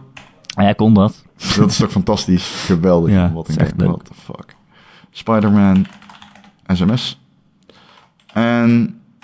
ehm, wat was... Mijn derde was ook Blades of Chaos. Oh ja. Dus die hebben we hetzelfde. Dus we hebben vijf, vijf dingen. Oké, welke ik alvast af ga strepen, gaan we gewoon doen de switch in de Messenger. Ja, Het is een goede switch. Het is een, super tof moment, maar ik ga je daar nooit van overtuigen. Delete. En ik heb hetzelfde dus eigenlijk bij Spider-Man. Hm, Ik denk niet dat hij het redt tegen die andere drie. Daar ben ik het mee eens. Ehm, ik vond het wel heel leuk. ik vond het ook wel leuk. Ja, het is niet mijn het moment dat ik koester uit Spider-Man, denk ik. Dat is ook nog een beetje zo. Er is ook zo'n moment in het begin, dan heeft hij net zijn nieuwe pak. En dan komt hij uit het lab van Octavius geschoten. En dan zweeft hij zo voor de camera. Dat vind ik ook een heel tof moment. Ehm, goed. Spider-Man, wat een game. Ja, hele goede game. Dus we hebben nog eh, Kratos die zijn Blades of Chaos terugkrijgt. We hebben het einde van Celeste. En we hebben eh, ja, Red het einde van Arthur, 2, Arthur ritje Morgan, op je zeg maar. paard. Een ritje op je paard. Ja, Het ritje op je ja paard. het ritje op je paard. Want hierna zegt hij, bedankt voor alles, lieve schat. Ah, dat vond ik zo erg. Dat hij zijn, dat hij, dat zijn paard wordt doodgeschoten en dat hij dan eh, met gevaar voor eigen leven nog even teruggaat om zijn paard te bedanken. Oh, dat krijg je ook alleen maar als je een goede band met je paard hebt in het spel. Hè? Klopt. Anders krijg je dat dus niet. Ja, ik had dat. Ja, ik ook natuurlijk, want ik ben geen beest. Nee. Oh, dat moment is zo erg. Game. Oh, oké. Oh, ik durf hier niet. Oh, dit vind ik verschrikkelijk. Ik kan het niet. Ik kan het niet. Ik kan het niet. Ik kan het niet. Ik kan het niet. Ik kan niet kiezen. Ik kan onmogelijk kiezen. Nou, laten we dan zeggen, Ron, omdat Celeste al het beste verhaal heeft gewonnen, Oh, nee. Doe het niet, Erik. op, op basis ook van dat moment. Weet je zeker dat je geen beest bent? Ja, nee, ik vind dat ook echt prachtig. Maar Dat is zo'n goed moment. ja, is het ook. Weet je wat ik net zei? Weet je nog, luisteraar, toen je aan het luisteren was toen ik uitlegde over de berg en de fysieke entiteit die je vijand is in de game? Je Ja, doppelganger. En over hoe je toen dacht, wow, dat klinkt opeens supergoed. Misschien moet ik deze game wel spelen. Dat moment wil Erik wegsnijden. Beest, Erik. Wat moet je dan doen met die drie momenten, man? het niet, man. Wat zou jij dan doen? Ik zou denk ik Blades of Chaos wegsnijden als eerste. Echt? Ik, oh, ik weet het niet. Ja, ik denk het. Ik denk het. Oh man. Jij zou Red Dead Redemption vind 2 ik doen. Ik weet het gewoon. Ik voel het aan je. Ja, maar dat is ook niet mijn moment uit Red Dead Redemption 2. Dus ik snap wel wat jij bedoelt. Oké, maar dan wordt het Celeste. Alweer. Ja, want ik vind het Red Dead Redemption 2 en jij niet. Jij vindt het God of War en ik niet. Oh ja, dat klopt. Het enige waar we common ground in hebben is Celeste. Nee, ik vind het ook Red- God of War trouwens. Ja. Ja. die had jij ook. Dat is de enige die we allebei hadden. Ja, Ik vind dat wel echt... Ik vind het echt een game moment. Een heel sterk... Oeh, als je het hebt over een echt game moment, ga ik voor Celeste. hoe, man. kan, hoe kan een game mij eh ophypen of zo? Of ja, vooral die, die bouw er naartoe, want je weet dat hij zijn blades gaat halen. En ik, ik, dan zit ik helemaal in spanning en te roepen van, ja, het gaat gebeuren. Ja, dat is wel waar. Oh shit, Dat zit is ik wel dan. waar. Die Dat hele boottocht, dat duurt best lang. Dat Dat hij aan het varen is en het wordt rood om je heen. En dan komt inderdaad Athena, die verschijnt dan. En dan denk je, oh shit, dit is het vorige God of War. Ja. Ik weet ook dat Ja. ik nog dacht toen van... Oh, bitch, ik maak iedereen dood, ze hebben mijn boy. Het enige, Ja, hij was precies, varen, ja. het enige wat ik dacht is... Bitch, iedereen gaat dood. I'll kill them all, I'll kill them all. Ja. Ja. Oh, echt, dan moet ik hier deze... Dan moet ik echt mezelf... Ieder, ieder, alles wat een hartslag heeft... Dan moet ik mezelf verdrinken in het bloed van mijn vijanden. Ik fucking doe het. Voor mijn boy. Boy. Het is een mooi moment. Maar Arthur Morgan is op zijn paard. Zijn laatste ritje. Onderweg naar zijn eigen dood. Het afscheid dat hij aan zijn paard neemt. De toekomst die hij schenkt aan fucking John. En de audio van de personages. Dat moment is zo overkoepelend schitterend. Omdat je zoveel meekrijgt van alles wat hij heeft gedaan. En alles wat hij heeft meegemaakt. Komt samen in dat moment. En alles, al die indrukwekkende quotes, die gooien ze er nog een keer tegenaan. Terwijl een van de mooiste nummers van gaming in 2018 op de achtergrond speelt. God, ik krijg tranen ook als ik eraan denk. gek. Ja. Ja, dat is kut, want ik heb dat dus niet zo. Dan valt hij Ja, af. ik vind dat... Dan valt hij ik af. Ja, oké. ja, ik vind dat een af, beetje... Ik vind dat een beetje cliché, dat je quotes hoort of zo. Ik snap als je hiernaar erg luistert en je 80 hebt die game niet gespeeld, Erik. Dat je denkt, ja, dat, dat is inderdaad best cliché. Maar het moment zelf is onverwacht. Omdat Ja, maar ik heb hem wel gespeeld en ik had het op dat moment ook. Ehm, ik vond het een mooi moment. Ik snap dat het. Ja, ik vind het argument cliché gevaarlijk. Want daarmee doe je eigenlijk af aan hoe mooi het is. Terwijl het wel echt heel mooi was. Ja. En ehm, ze doen een paar van die momenten in de game met muziek. Ze hebben er meerdere, hè? Eh, ook met John, dat hij zijn huis in elkaar timmert. Eh, je hebt het ook nog van tevoren, als je hoort dat hij tuberculose heeft. Dan rijdt hij weg van Valentine, eh, van, ik weet niet, eh Saint-Denis. En dan hoor je het ook. Dan weet je dat je doodgaat, dan hoor je ook muziekje. Dan hoor je dus, ja, een andere hele goede truc ook. Alleen, dat specifieke moment vind ik het beste. Omdat het gewoon, oh man, ik vond het echt een van gamings. Die kwam binnen bij mij of zo. Omdat ik wist dat ik afscheid moest nemen van hem. Ik wist, dit is het ja, einde. dat is het wel heel erg, ja. En dan kun je zeggen, Ja. het is cliché, maar je weet gewoon, dit is het. Dit, ik ben zo gewecht. Maar ik had ook toen ik met John speelde, ik miste Arthur Morgan. Ik miste hem. Ja, ik ook echt, ja. Och. En dat moment, dat onomkeerbare moment dat je... Je ziet hem afscheid nemen. En, oh. Maar het is ook een... Het is niet echt een game moment. Het is een emotioneel verhaal moment. Ehm, er is ook zo'n moment, dan ga je wraak nemen op eh, een vrouw die heeft Jack gekidnapt. En dan rijd je naar dat huis op je paard. En dan rijden, rijden ze met z'n allen naast elkaar terwijl de zon ondergaat. En de belichting is dan heel ziek. En dan hoor je zo die muziek. Terwijl je daarheen gaat met z'n zeven, zeven of acht van die paden naast elkaar. Dat is het eerste keer dat je met de hele gang erop uitgaat. Dat vond ik ook super vet moment.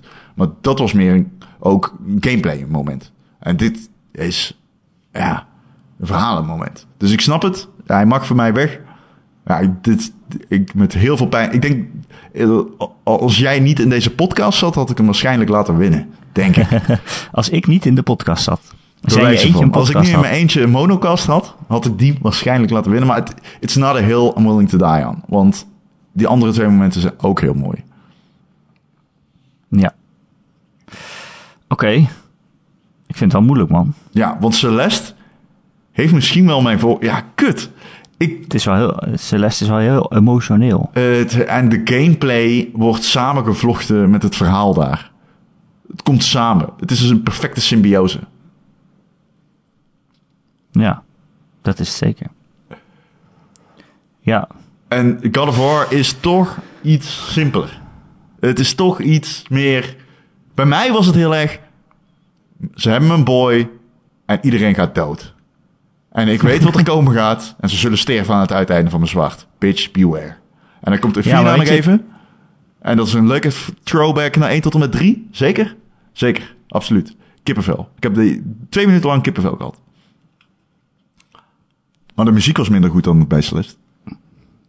ja, dat is wel waar, ja. hey, dat argument verzin ik Maar- je ter plaatse. Celeste heeft altijd ook wel beste soundtrack gewonnen. Ja. Oké, ik zal één Eh. ding geven in het... in- nee, wacht. Wat vind jij van Celeste? Wat vind ik van Celeste? De, dit specifieke moment uit Celeste. Hoe ja, beoordeel jij dat? ja, he- heel, heel mooi. Heel fijn ook, omdat het gewoon wholesome? wholesome is. Ja, en het werkt in de game, maar ook in het echt. In het echte leven. Als in je, jezelf omarmen voor alles wat je bent. En niet alleen wat je wil zijn of zo. Of wat je vindt dat je zou moeten zijn. Maar ook gewoon dat je angsten, je angsten en zo ook bij jou horen. Ja. Eh kut. Maar En dat op een gameplay, gameplayige manier vormgegeven. Dat vind ik eh, ja, het is... heel knap. Hij, ehm, op de eerste kerstdag komt eh, waarschijnlijk mijn stukje online Celeste. Ik zou zeggen, luister het, kijk het. Lees het. Uiteindelijk kun je alleen die laatste werkwoordsvorm. Maar eh, dan nog. Ik ga zeggen dat God of War bij mij wel meer ehm videogamey fuck yeah-achtige momenten had dan Ja. die. Alleen. Alleen, dit is wel een uitstekend goed voorbeeld daarvan. Ja, Ehm, precies. Celeste heeft een heel goed verhaal. Celeste heeft heel goede gameplay. En die twee komen samen in dat moment. Welke vind ik mooier? Dat is ondoenlijk om te zeggen. Nou ja, mooier, Mooier is Celeste. Maar ik vind, ik vind fuck yeah en ik ga iedereen slopen, vind ik ook een emotie. Juist. Juist. en misschien dat ik daarom wil gaan zeggen... God of War ehm, heeft... Dat is echt een redeeming quality van die game. Het zegt ook iets over de band tussen jou en je boy. Dat je... Je doet alles voor. Je bent... Maar je wilt gewoon die wraak. Je zint op die wraak. Je, je, je wilt hem. Dat, God of War 3 heeft dat ook. Maar eigenlijk toch wel uiteindelijk vooral omdat het enige dat Kratos in die game zegt is... I want my revenge. en hij zegt, Athena! Ja, ik vind God of War 3 fantastisch. Eh begrijp me niet verkeerd. Maar ja, daar was hij niet echt een personage, daar was hij meer gewoon een ton woede. Ja, maar ik vond dat wel... Dat heeft, je weet, ik hou van domme mannelijke shit af en toe. En dit is daar een perfect uithangbord van. En ik vind het ook heel cringy om zo, zo heel cynisch erover te kunnen van... Oh, het is stom, want er zit geen development in, want hij is de hele tijd boos. Nee. Ehm, Hij heeft ook wel goede reden om boos te zijn, daar niet van. nou ja, hij heeft zijn eigen kinderen en door een vrouw vermoord. Ehm, Maar ik vind dit moment in, in deze God of War is Ja. ook dat Kratos zegt, weet je, dat leven wilde hij afzweren. Hij wilde in een huisje wonen in het bos met zijn vrouw en zijn kind. En die blades heeft hij afge- afgedaan en verstopt en wilde hij eigenlijk nooit meer naar terug. Maar hij zegt dus ook eigenlijk voor Atreus ga ik terug naar iets wat ik niet meer wilde zijn. En, maar wel op, op mijn eigen voorwaarden. En dat is ook dus hè, die zin die hij zegt tegen eh, Athena van "I- I'm not your monster anymore. Dat, dat is dat. Dat hij zegt, oké, ik ben wel een monster, maar wel mijn eigen monster. En niet meer zoals, zoals jij mij manipuleerde al die tijd. en Dus wat, het is ook een stukje het, het terug, het voor zichzelf terugnemen. en wat. Celeste doet met de soundtrack, dat klopt. Verhalen, dat heb je zeker een punt. En thematisch ook natuurlijk. Dat, dat, dat, is, dat zijn verwanten. Maar ehm, wat Celeste doet met de soundtrack op dat moment, doet God of War op dat moment wel met de graphics. Want god damn, die shit is mooi. Ja. Ja, bizar.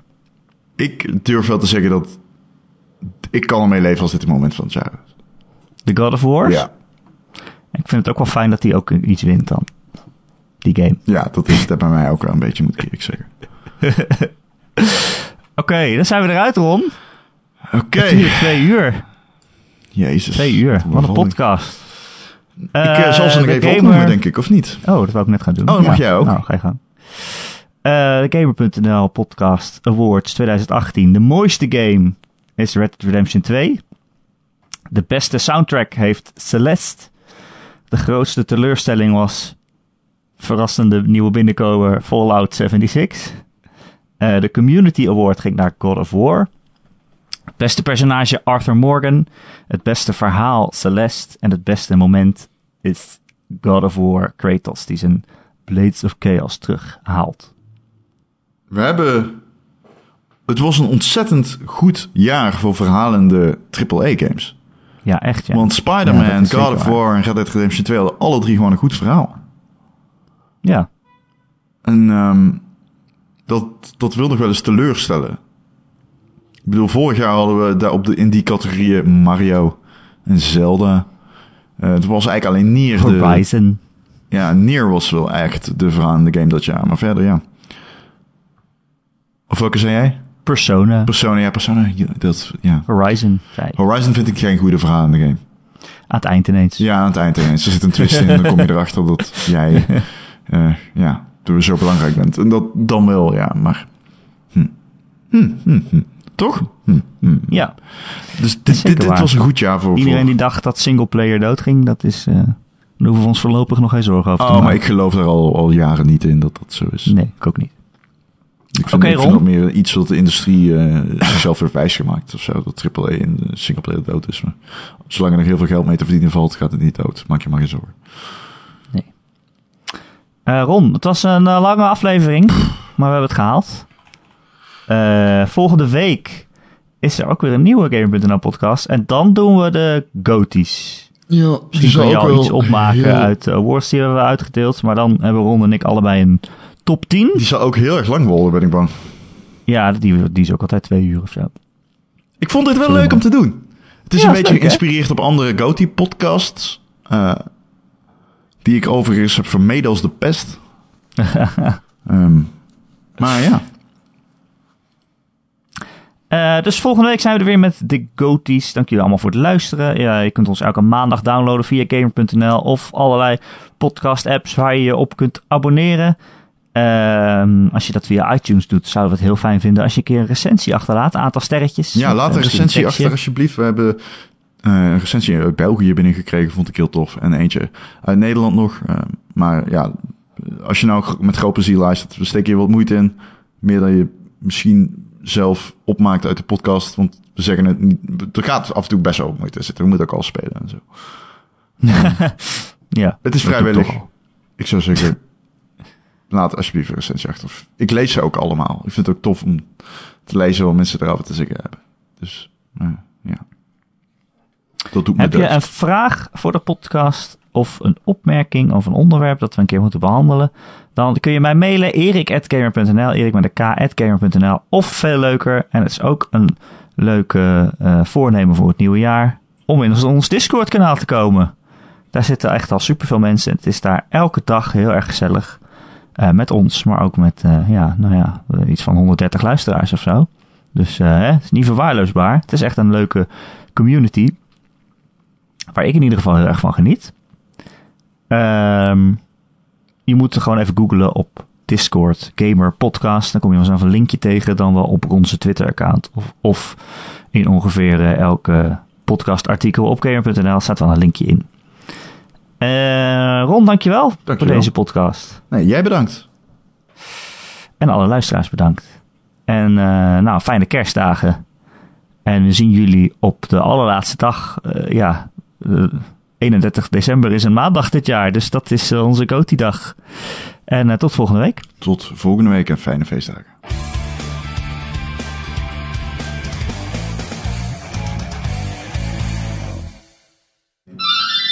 Hey, daar zitten spoilers in. Flashcom. Is dat de deurbel?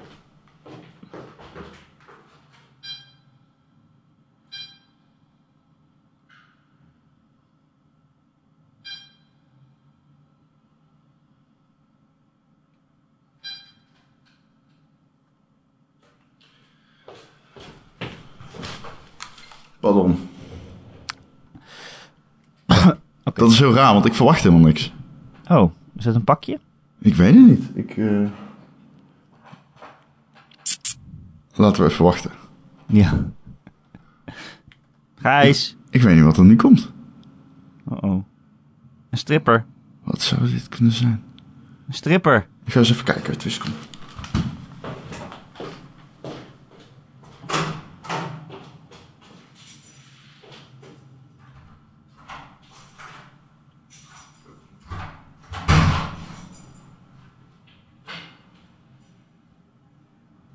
Auw. Ah, Indy. Auw.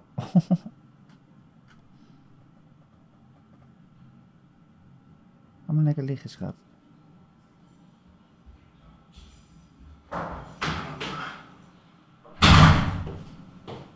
Nou. Ik heb geen idee. Ik heb geen idee wat het was, maar oké. Een verrassingspakje? Nee, ik heb niks. er staat niemand. Oeh, en eh, het is de Vogelman. Ja.